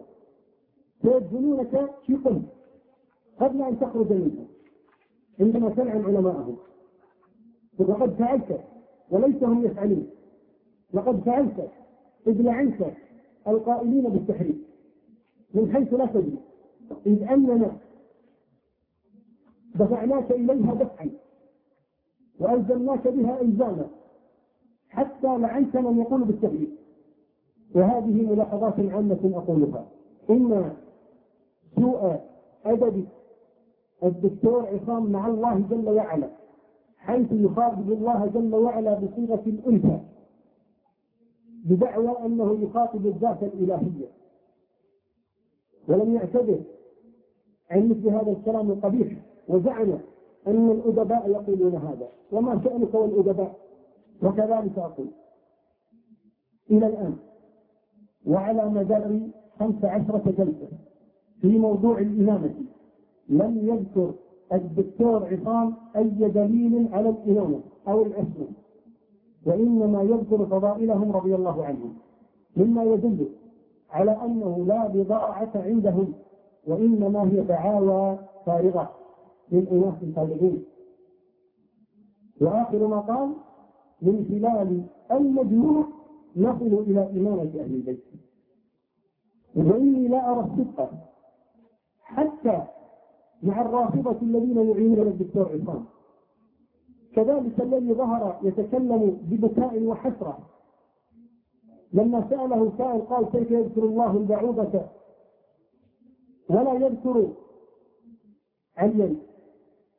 فقال لي يا شيخ عثمان وتكلم بكلام ما أستطيع أن أقلده لاني لا أتنزل إلى أن أتكلم بهذه الطريقة المائعة قال هل تقبل أن يقولوا عن علي هذا الكلام؟ ما كنت أظن أن أحدا يبغض عليا حتى سمعت مثل هذا الكلام يذكرون البعوضة مع علي من الذي يحب عليا؟ نحن أم أنتم؟ وأنا الآن أريد أن أنبه على قضية مهمة. حتى أترك للدكتور عصام آخر الوقت يتكلم كيف شاء. تقول أيضا إن هذا الطبع وهذه التصرفات من الدكتور عصام في كذبه وانحرافه عن الحق ليس جديدا. بل هذا ديدن القوم وهذا مذهبهم وهذه أخلاقهم التي عرفناها. والشيعة ليس عندهم علم حديث ولا رجال وإنما هم يعتمدون في ذلك على أهل السنة والجماعة وهم أهل الرجال وهم أهل الحديث هم نقلة السنة كما أنهم هم نقلة القرآن الكريم. أما رجال الشيعة وكتبهم عندما يقول صحيح وضعيف كلام فاضي كلام لا يستند إلى دليل فأعظم كتاب في التراجم عندهم كتاب الكشي هو أقدمها وأحسنها وقد توفي الكشي في القرن الرابع. الهجري. وليس في كتابه ما يغني سوى كلام في الجرح والتعديل وكل تراجمه تبلغ خمسين عشرين أو خمسين فقط. ثم يأتي بعده كتاب النجاشي وهو مختصر جدا وإنما فيه ذكر المؤلفات وقليل جدا فيه من الجرح والتعديل. ثم الفهرس للطوسي وهو عبارة كذلك عن ذكر أثراء المصنفين وشيء كثير. ولولا ضيق الوقت لبينت أكثر من هذا. ولكن حتى يعلم الجميع أنهم غير صادقين وأنهم يكذبون. وخير مثال على ما أرى هو ما يقع في هذه الليالي من الدكتور عصام. كيف يكذب وكيف يلف ويدور ويدور. ولا يقدر النقاش حقه. ولا يناقش كما يناقش الناس ولذلك للدكتور عصام أن يتكلم بما شاء الله وأنا وعدته أن أترك له آخر الكلام. ولكن أقول له اتق الله سبحانه وتعالى. اتق الله سبحانه وتعالى. فإنك بكلامك هذا تضلل الكثيرين فاتق الله ولا تقل إلا حقا. فإن الإنسان إذا رجع إلى الحق تاب الله عليه. وإن استمر على الباطل وهو يعلم ذلك حق اليقين فإنه بينه وبين الله سبحانه وتعالى حساب عظيم. حاول أن تتخلص. اهرب من قم بطريقة أو بأخرى ويعلن حقا الذي تعرفه إن كنت الآن لا تستطيع أن تتكلم. أقولها صادقا. وأقول لك اتق الله سبحانه وتعالى. ثم كذلك أقول دكتور عصام اثنتان وعشرون مسألة لم تجب عليها. وأنا من هنا أعلن أن النقاش معك قد توقف لأنك غير صادق وأنا عندما قبلت النقاش معك وقبلت مناظرتك ما كنت أعرفك. وقد اشترطت أن يكون إنسانا صادقا فوعدوني بذلك الأمر وتبين لي خلاف ذلك. فقل ما شئت ولكن اعتبر أن المناظرة بيني وبينك قد انتهت لأنني لا أستطيع أبدا أن أتحمل منك مثل هذه الترهات ومثل هذا الهروب ومثل هذا البعد عن الحق. فأجل الآن عن هذه الأسئلة وإلا أعلن أنت بعد أن تتكلم في الوقت الذي لك أعلن أنت أيضا خروجك عن هذه المناظرة وأسأل الله تبارك وتعالى أن يهدينا وإياكم والجميع إلى الحق وأن يرينا الحق حقا ويرزقنا اتباعه وأن يرينا الباطل باطلا ويرزقنا اجتنابه وأنا جالس لأسمع كلامك كله ثم بعد ذلك جالس كذلك لأسمع الأسئلة وآسف جدا على هذه الدقائق التي أخذتها زيادة ولكن كان الأمر حسب ظني يستحق ذلك وأستغيثكم عذرا جميعا والله أعلى وأعلم وصلى الله وسلم وبارك على نبينا محمد. بسم الله الرحمن الرحيم. كنت أتمنى من الشيخ عثمان الخميس أن يقولها من البداية. أنا أريد أن أضع مبرر لأترك المناظرة. كان الأولى من البداية بدلا أن تأتي بهذا التفصيل. أن تقول من البداية لا أريد أن أستمر وأريد أن أنسحب وأنا كنت قد في البداية أن الشيخ عثمان يريد أن يسمع مبررات لكي يهرب من المناظرة. ولكي يمشي من المناظرة. والله أنني كنت سمعت ذلك الكلام. وكنت قد توقعت منه هذا الاتهامات لأن الذي يريد أن يهرب من المناظرة لابد أن يقنع الحاضرين بأنني إنما هربت من المناظرة لأجل هذه الأمور. وأنا قد أجبت عن هذه الاتهامات في الجلسات الماضية. كلها أجبت عنها. إلا القليل القليل أجبت عن الاتهامات. فصلت عن كل شيء. فصلت عن هذه المسائل. وأذكر كمثال فقط. أذكر مثال. مثال ما ذكره أنني قلت أن خمسين من شروع مسلم. أنا أتحدى الشيخ عثمان الخميس يفتح الآن شرح المفهم ومقدمات شروع مسلم في الطبعات الحقيقية. سيجد أن كل المحققين يذكرون أن شروح مسلم أكثر من خمسين. شوفوا كمثال. يعني يقول أنا كذاب في هذه المسألة. هل كل الذين كتبوا مقدمات شروح مسلم عندما قالوا قد ساقت شروحها أكثر من خمسين هل كلهم من الكذابين؟ هل كلهم من الكذابين؟ ما هذا الكذب عندك؟ إذا كنت تريد أن تهرب من المناظرة فاهرب من دون أن تجرح في الآخرين. اترك المناظرة وقل أنا عجزت أن أناظر من دون أن تتهم الآخرين. كلها الاتهامات من أن تكون هذه آخر مناظرة ألم نتفق وألم تقل ائتي بأعلى ما عندك؟ اصعد بما تريد ائتي بأقوى الأدلة التي عندك. أنا ما زلت الآن في رأس الهرم. وهذا الكلام الذي جبته يدل على جهلك. ويدل أنك لا تعرف شيئا من الأثرية يا أخي أولا مما يدل على جهلك أنك ذكرت أن أول كتاب عندهم رجال التشييع وهذا جهل مركب. أولا أنك لو رجعت إلى أبسط كتاب من الكتب الرجالية لعرفت أن الكشف ليس أول كتاب ألف في علم الرجال عند الاثنى عشرية أين رجال البرقي يا أخي؟ تدعي أنك تعرف الاثنى عشرية؟ أين رجال البرقي ارجع إلى كتاب نصف المقام في مؤلف علماء الرجال للعالم أغا زرك الطهراني يعرف كم كتبوا من الرجال. كيف تقول أن أول كتاب؟ والله أن هذه من البديهيات. فبالله عليك يا أخي. اقرأ الإمامية قراءة كاملة. والله أنك جاهز بالاثنى عشرية مما يدل على جهلك أنك قلت في كتابة كشف الجاني أن الرواية عند الإثني عشرية تقول ولدت في زمن الملك العادل. تقول أن هذه رواية عند الاثني عشرية وفي الحقيقة أن هذا الكلام يدل على جهلك فتقول أن علي بن أبي طالب قال عن كسرى ملك الفرس إن الله خلصه من عذاب النار والنار محرمة عليه. أولا يا شيخ عثمان حتى تعلم أنك جاهل بالاثنى عشرية هذه الرواية تلك الروايات التي يستشهد بها المستشرقين ويطعنون فيها على أهل السنة. فهم يقولون هذه الرواية ويستدلون بها على السنة وأن لبثت في زمن الملك عادل يعني كسرى. هذه شنع بها المستشركون على أهل السنة. ولكننا عندما رجعنا إلى كتاب أهل السنة وجدنا أن هذه الرواية موضوعة. فكذلك هذه الرواية التي استدلت بها موضوعة. ثانيا أن علماء الحديث صرحوا أن هذا الحديث في كتب الاثنى عشرية من الأحاديث الموضوعة والمبثوثة لكتب الاثنى عشرية. فكيف تدعي أنك تعرف الاثنى عشرية وأنت تستدل عليهم وتهاجمهم بسبب حديث موضوع أجمعوا على أنه من الأحاديث الموضوعة؟ فأرجوك يا شيخ عثمان أنك إذا كنت لا تجيب ولا تعرف الاثنى عشرية أرجوك أنها تتحدث عنهم. أذكر أنك قلت مرة أن العلامة الحلي هو أول من قسم. واستدليت على كلمة من كتب الاثنى عشرية.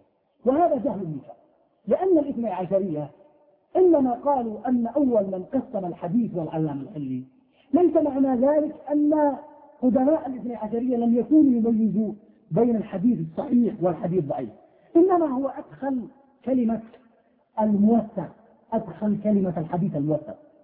كما أنه أهل السنة يقولون أن الترمذي جاء بأقسام جديدة في التقسيم وهو عندما جاء بهذا التقسيم الترمذي أو الحلي إنما جاء عن طريق استقراء كيفية تعامل قدماء الاثني عشرية مع الحديث فوضع مصطلح جديد. لا أنه وجد لا أنه جاء العلامة الحلي في القرن السادس ووضع علم الحديث ووضع تقسيمات هذه. فلذلك أنا أقول لك أنت تحتاج إلى قراءة جديدة والله أنك جاهل. والله أنك لا تعرف الحسنية والله أنك لا تميز بين الكذب وغير الكذب. كل هذه الكلمات التي تأتي بها أنت منذ أن دخلت قلت أن الشيعة من أول يوم كذابين. قلت الإمام عبد الحسين شرف الدين كذاب. قلت أن التيجاني كذاب.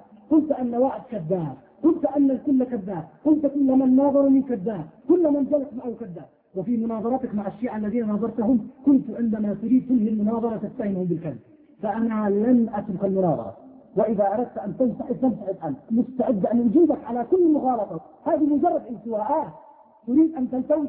أنت صرحت في غرفة بعد المناظرة الماضية أنني سوف أترك المناظرة مع عصام وستسمعون ما يسركم. هذه عبارة الحصان. في غرفة في غرفة السرداب وعبارتك كذلك في غرفة. وقلت أن هذا الرجل قد طلق كبدي عصام العماد.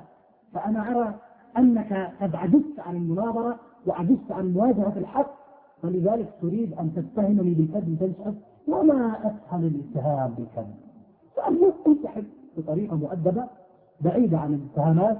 أما مسألة الكذب فقد عرف الجميع أنك تتهم كل الناس بالكذب السائلين وقلت كل من ناظرتهم كذاب كل من جلست معهم وحاورتهم من الاثنى عشر كذابين طعنت في الإمام الصنعاني طعنت في محمد علي الدار طعنت في الإمام محمد بن زهرة.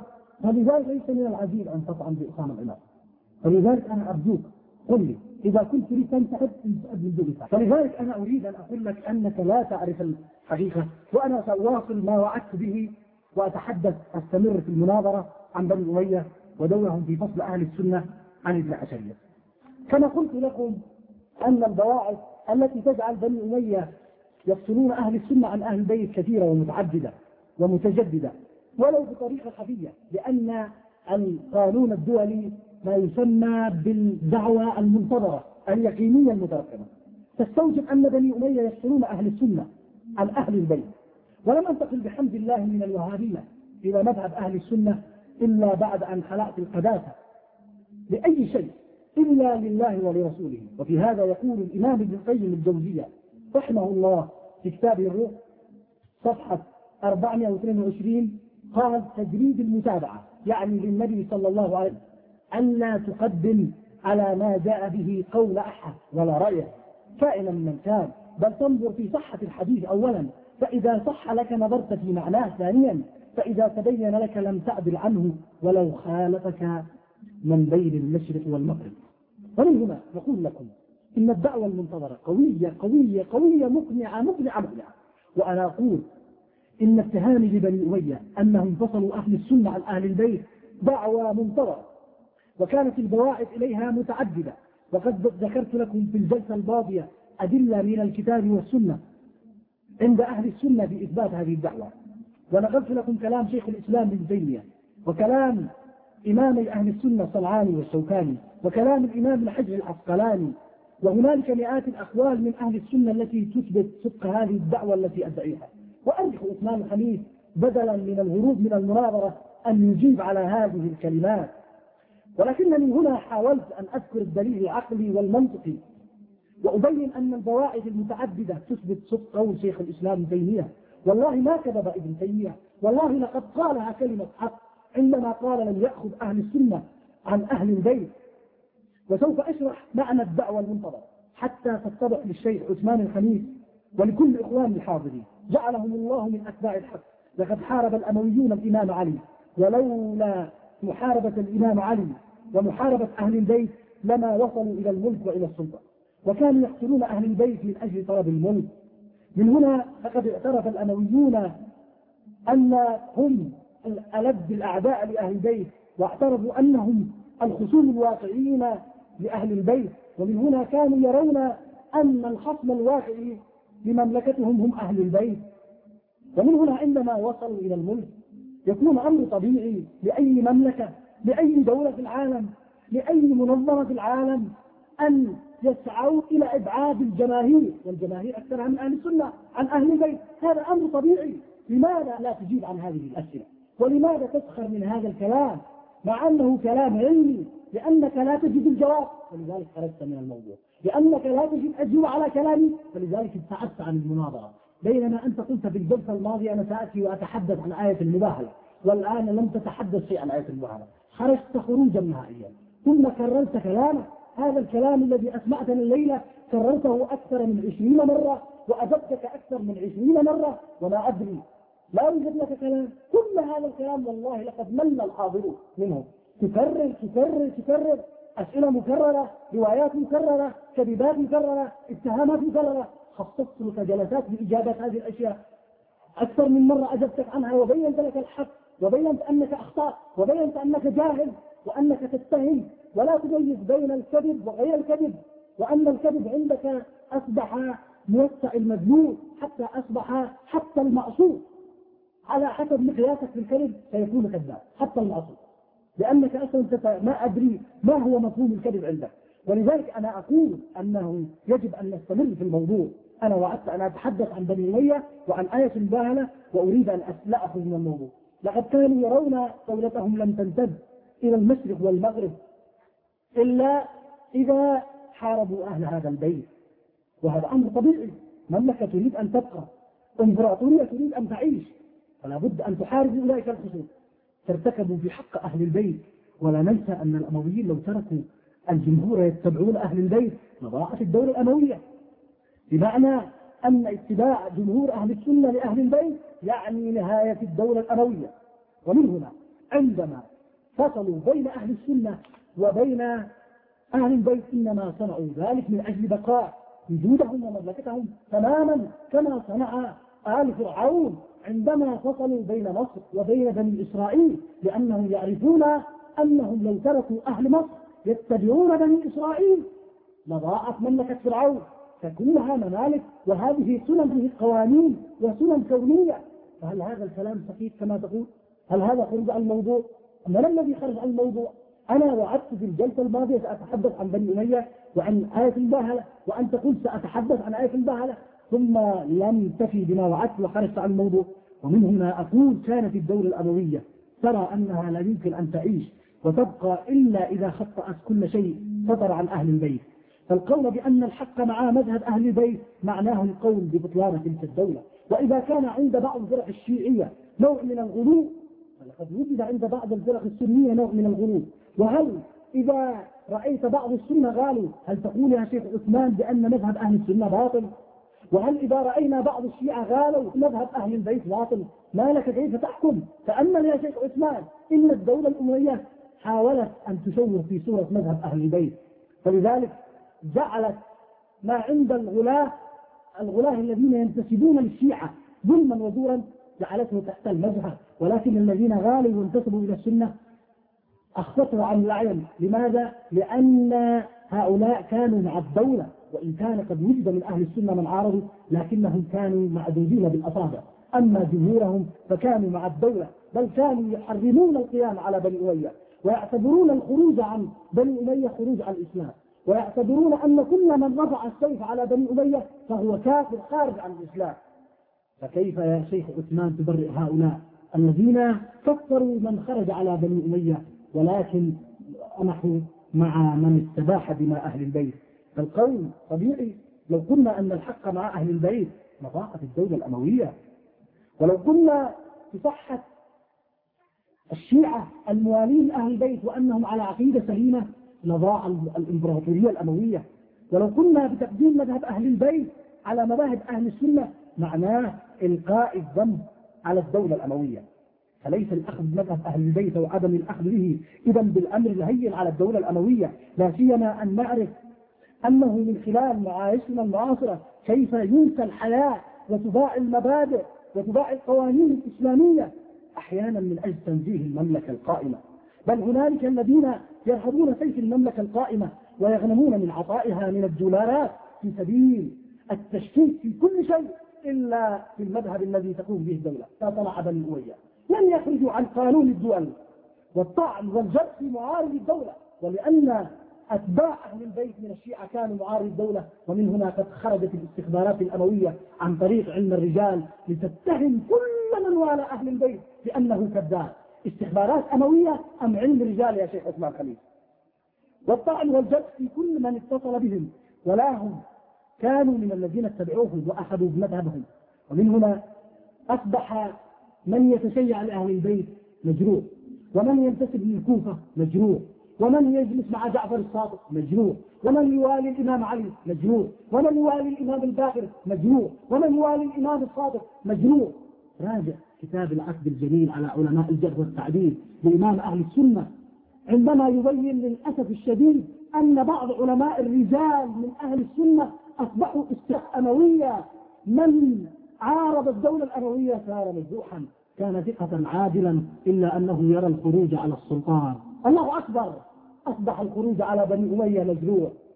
الآن نحن في الزمن المعاصر من خرج على أمريكا يصبح مجاهد كبير. هل هل ستقول أن من خرج على الظلم والظلمات يكون مجروح. والله لقد صنعوا ذلك. والله لقد صنعوا ذلك.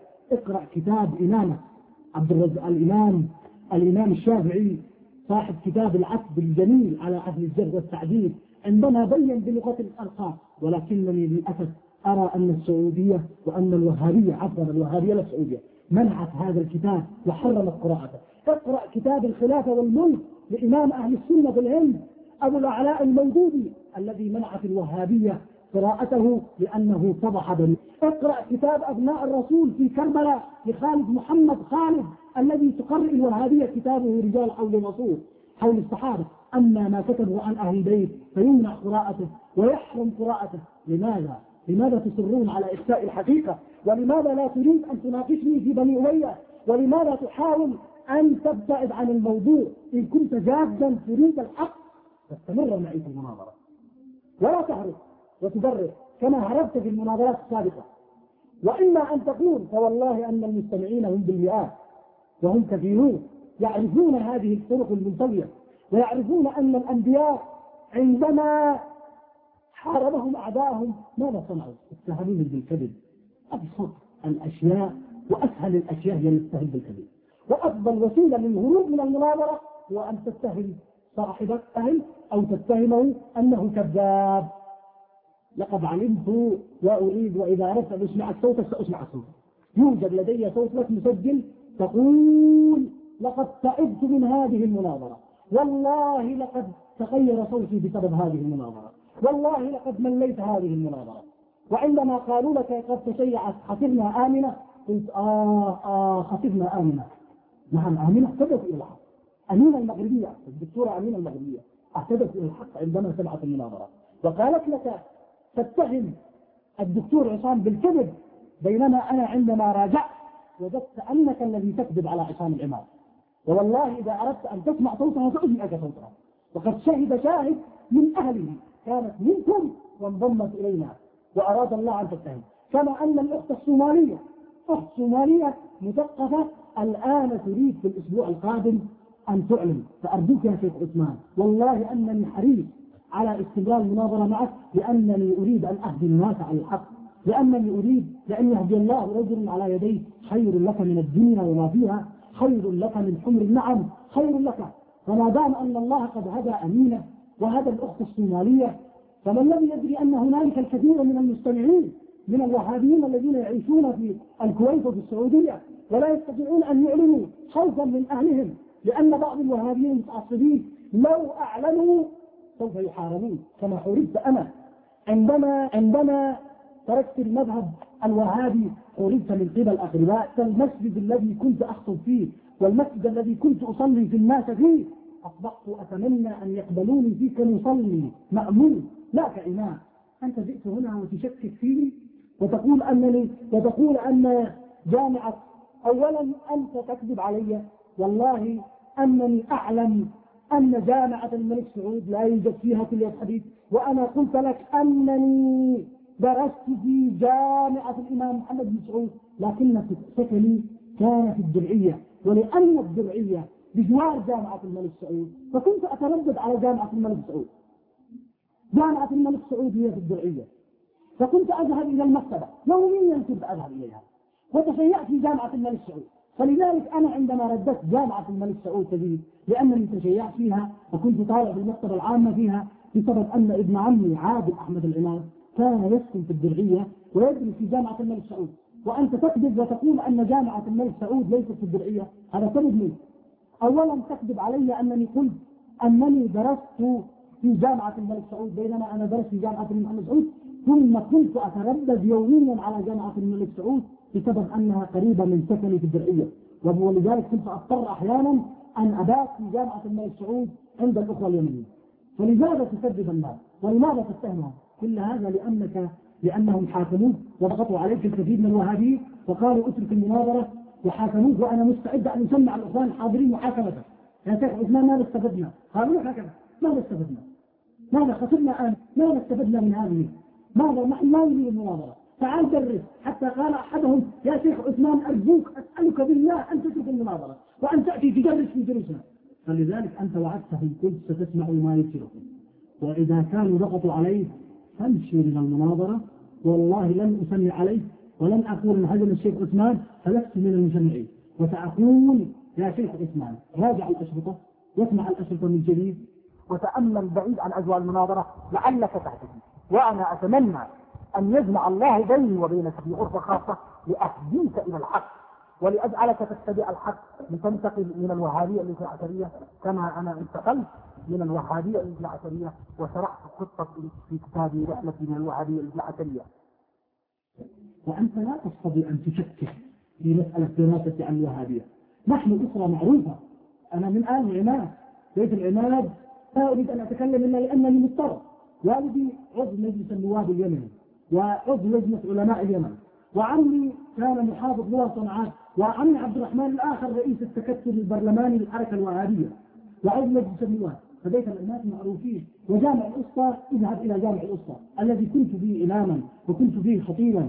واذهب إلى الدرعية سكنت في الدرعية وأعرف الدرعية القديمة وأعرف الدرعية الحديثة وأعرف جامعة الملك سعود وكنت أسكن في جامعة الملك سعود فترة لأنها قريبة من سكني في الدرعية كما كنت أتردد على جامعة الإمام محمد سعود التي كانت في مبنى غير المبنى الآتي لأنني كنت أدرس فيها قبل أن تنتقل إلى المدينة الجامعية الآن التي انتقلت إلى رمح الرياض فلذلك دعك من التكذيب.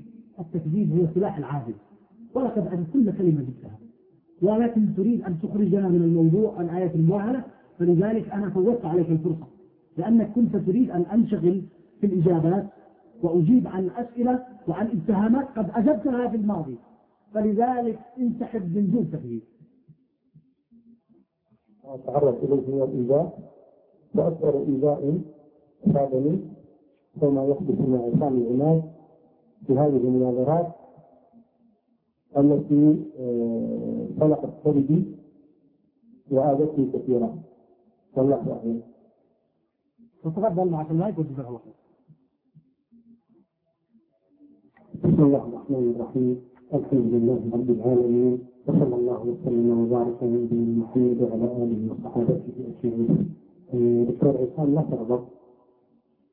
كن وتحمل ما جاء منك فإننا إنما رددنا عليك ما خرج منك. آه فقولك إنك أسئلة إن أسئلة مكررة فقد جاوبت عنها في جلسات سابقة. كيف وقد قلت في الجلسة العاشرة وسمعتك بصوتك إنك لم تجب عليها وستجيب عليها.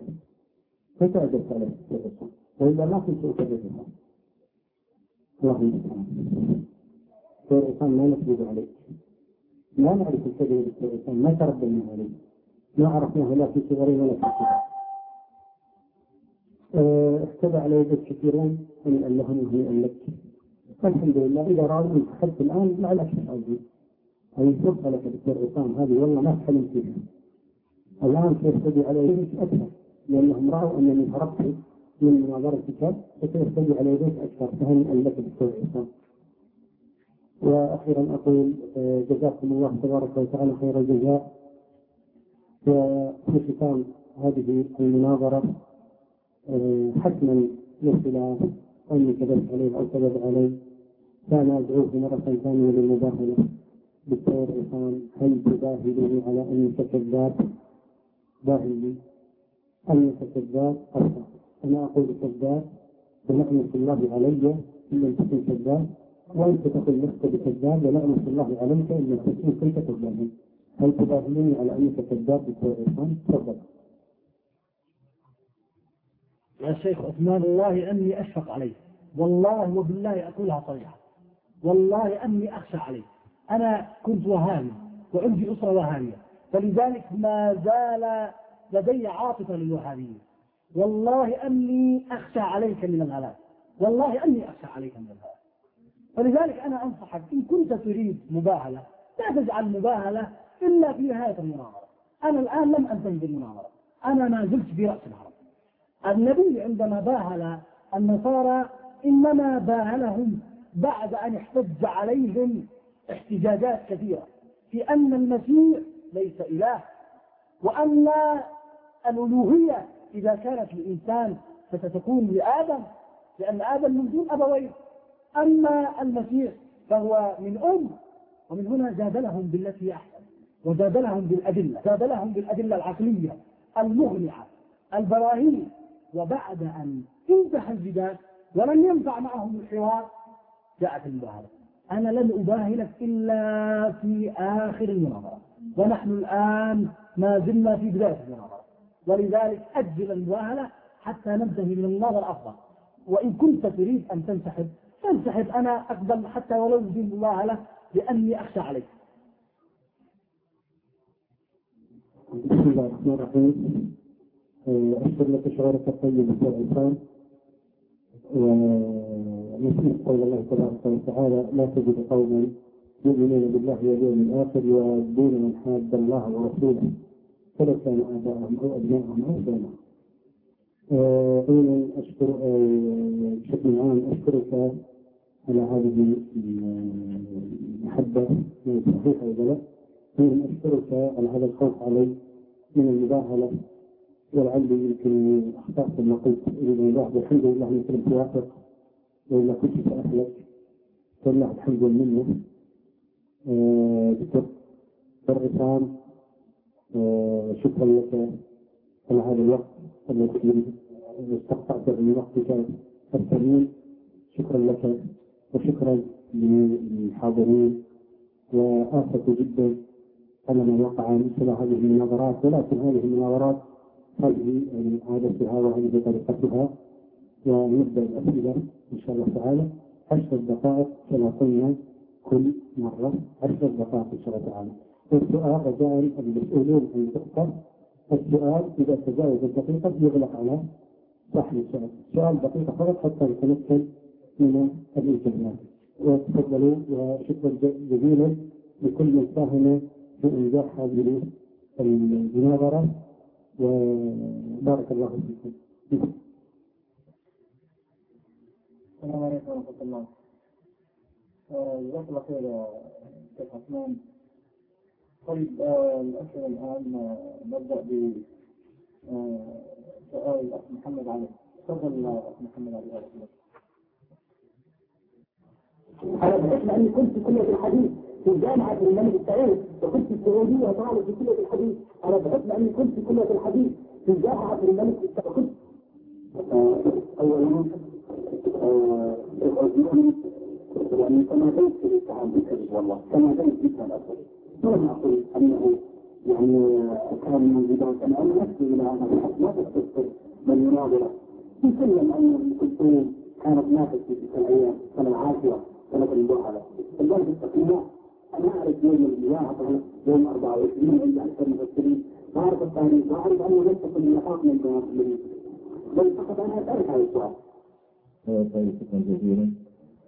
الآن أسألك أستاذ عصام معلش أستاذ الوقت زيادة أسألك بالله عليك بالله عليك الذي لا إله إلا هو هل أنت طالب حق وتجد هذه الأساليب؟ إذا أنت طالب حق وكنت تجبر أن أفتحت راتبي هل تكذب وتقول أنك تكذب سبحان الله. تفضل.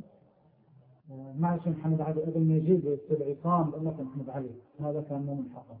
عرفت ما كان حقك إنك تعيد بالشكل هذا. شوف جماعتك وشوف كلام الشيخ عثمان الخميس شو طلب منهم وشوف هال هالأخلاق هاي. شايف أخلاقكم؟ شايف اخلاقكم يا شيخ عثمان الخميس هي غرفتك شايف أخلاقكم؟ شايف شايف الكتاب اللي عم تصير أرجو من جميع الاخوان بس هو اعتراض سماحة السيد طلال إنه الكتاب اللي تحت الأرض. واعتراض وجيه يعني فعلا الكتابه كتابه بذيئه في الشاشة وألفاظ غير جيدة. فكان اعتراض في محله فقط واعترض على الكتابه اللي تقصد فأرجو من الإخوان الا يفجروا الموقف والمناظرة. إنه يستمر في حوار إسلامي للتقريب والأجواء المتشنجة لن تقرب بين المسلمين في الحقيقة. نحن في حوار إسلامي. والله إن الإنسان يخجل عندما يجد الحوار العلماني الإسلامي احدى من الحوار الإسلامي الإسلامي. نحن كلنا من المسلمين. شيخ عثمان يقول الاثني عشرية كما قال الآن من المسلمين وأنا أقول أن الوهابيه من المسلمين. فلذلك يجب أن نتحاور بأسلوب إسلامي.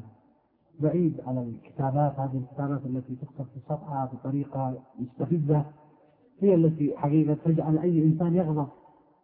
اولا يجب أن أبين مسألة مهمة جدا وهو أنني كما قلت لكم سكنت في الدرعية وفيها عادل أحمد العماد مع أنه كان يدرس في جامعة الملك سعود ونتيجة أن الدرعيه يوجد فيها جامعة الملك سعود وفي الدور الرابع من جامعة الملك سعود كان يوجد قسم خاص كذلك بجميع المذاهب الإسلامية وفي الكتب الدينية.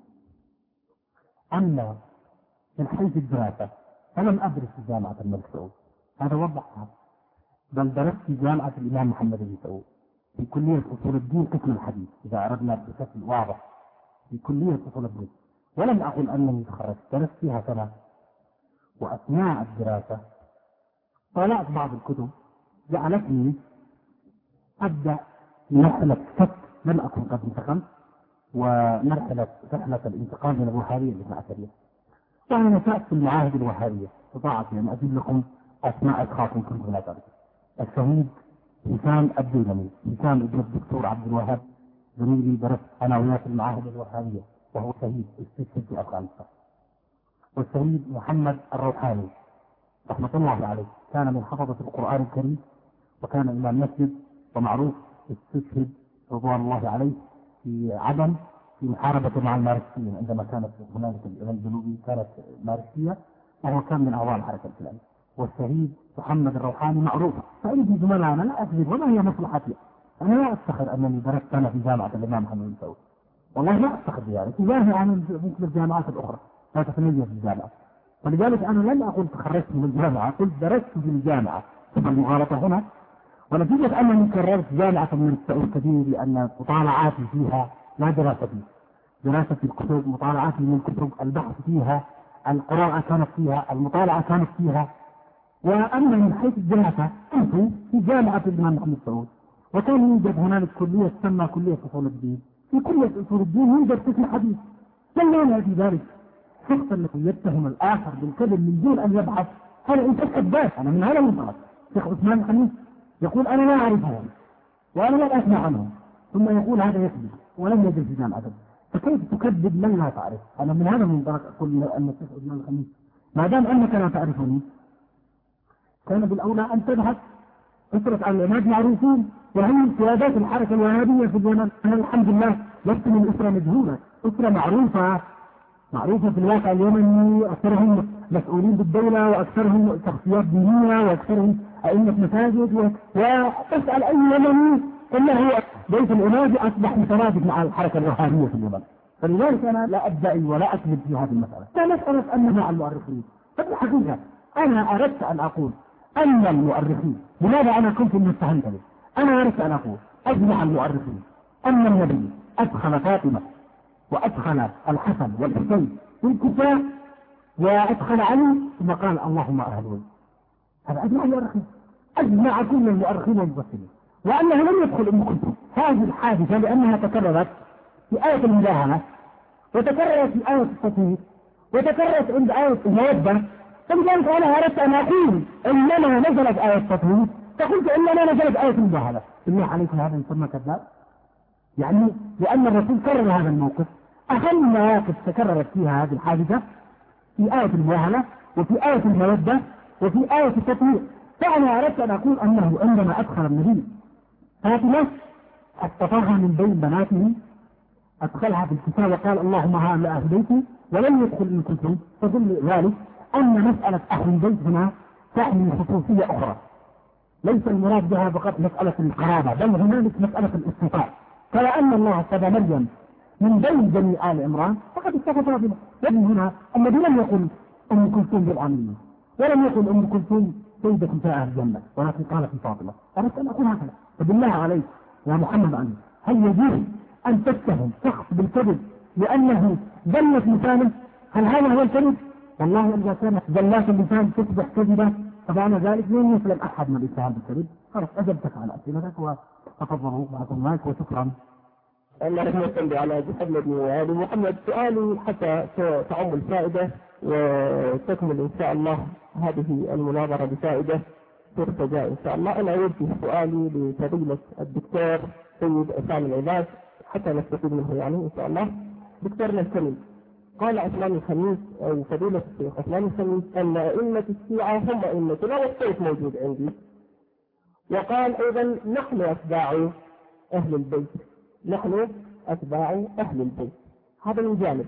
من جانب آخر ابن تيمية يقول لن يأخذ أئمة المذاهب ولا أئمة الفقهاء بفقه علي بن أبي طالب مع أن علي بن أبي طالب هو إمام العسرة وأنه أفضل أهل البيت في آه، اعتراف الشيخ أسلام الخميس قال هذا تهافت وتناقض أيهم نتبع وأيهم نصدق نصدق ابن تيمية يقول لم نأخذ بفقه أهل البيت. نأخذ بكلام الشيخ أسلام الخميس الذي قال أهل البيت هم أئمتنا ونحن من أخذ عن أهل البيت وإلى آخره. أيهما نصدق هذا أنت تفضلوا سماحة الدكتور لكم إجابة. بسم الله الرحمن الرحيم. بالنسبة لما سأله سماحة الشيخ صالح في الحقيقة أنه عند أهل السنة حدث نوع من التناقض. يعني بسبب الدور الأموي من جهة يرون أن النصوص الكثيرة الموجودة في كتبهم في البخاري ومسلم. في صحيح مسلم. تركت فيكم ما إن تمسكتم به لن تضلوا بعدي أبدا. كتاب الله وأهل بيتي. يذكركم الله بأهل بيتي. يذكركم الله. ويجدون النصوص القرآنية التي تحث على أخذ أهل البيت ومن جهة أخرى يجدون أن فقهاءهم كما صرح شيخ الإسلام ابن تيمية لم يأخذ أهل البيت فوقفوا في حالة في الحقيقة غريبة جدا. ومن هنا أنا أرى أن الشيخ عثمان وقف في حيرة من كلام شيخ الإسلام تيمية. ولذلك رأيته لم يستطع أن يجيب سؤالي. عندما قرأت له عبارة ابن تيمية لم يأخذ أهل السنة عن الإمام علي؟ وأثبت ابن تيمية أنهم لم يأخذوا عن جميع أهل البيت وأنهم أخذوا عن مالك وعن الشافعي وعن طبعا فقهاء من السلف وتركوا أهل البيت. يرجع يجدون النصوص الكثيرة التي أهل البيت ويرجع يجدون السلف لم يتبعوا أهل البيت فمن هنا وقعوا في الحيرة. يجدون النصوص تأمرهم بحث أهل البيت وعند ذلك يقولون نحن لا يمكن أن نترك أهل البيت إذا فنحن نأخذ أهل البيت ومنها يجدون الواقع العملي أن لا يوجد لأهل البيت وجود حقيقي. لا يوجد لأهل البيت إلا فقط على مستوى باب الفضائل. أصبح أهل البيت عند أهل السنة كقطعة ذهبية عند رجل يعيش في بيت ويموت من الجوع. ثم يوميا يذهب إلى هذه القطعة الذهبية يمسحها وينظفها. ولا يعرف أن هذه الجوهرة يمكن أن يستفيد منها. أهل السنة مساكين. ظنوا أنهم عندما عقدوا باب فضائل أهل البيت أنهم قد أخذوا عن أهل البيت. ظنوا عندما دونوا حديث ثقلين أنهم قد أخذوا عن أهل البيت. ولذلك أنا أقول كلام سيدي صعب والشيخ عثمان لذلك عندما قال أنه نحن أخذنا عن البيت نحن اتبعنا عن البيت. لأنه رأى النصوص قوية على كيف اتباع البيت. فرأى عبارة ابن تيمية تبين الواقع. والواقع مر. مر جدا. ولكن لو عرفوا دور بني أمية وتأملوا في كلام ابن حجر العسقلاني وفي كلام الإمام الصنعاني عندما قال أن بني أمية فصلوا أو منعوا أهل السنة عن الصلاة على البيت ولذلك تركوا الصلاة على البيت خوفا وتقيا بني أمية لعرفنا لماذا يعيش السنة في القبر. فتجد عالم سني يقول لم نأخذ عن أهل البيت وتجد عالم سني يقول اتبعنا أهل البيت حدث إشكالية عند أهل السنة بين ما يجب أن يكون وهو يجب اتباع أهل البيت وبين الواقع ما حدث. ما حدث في واقع أهل السنة؟ أنهم لم يأخذوا عن أهل البيت وما حدث في كتب أهل السنة من روايات أهل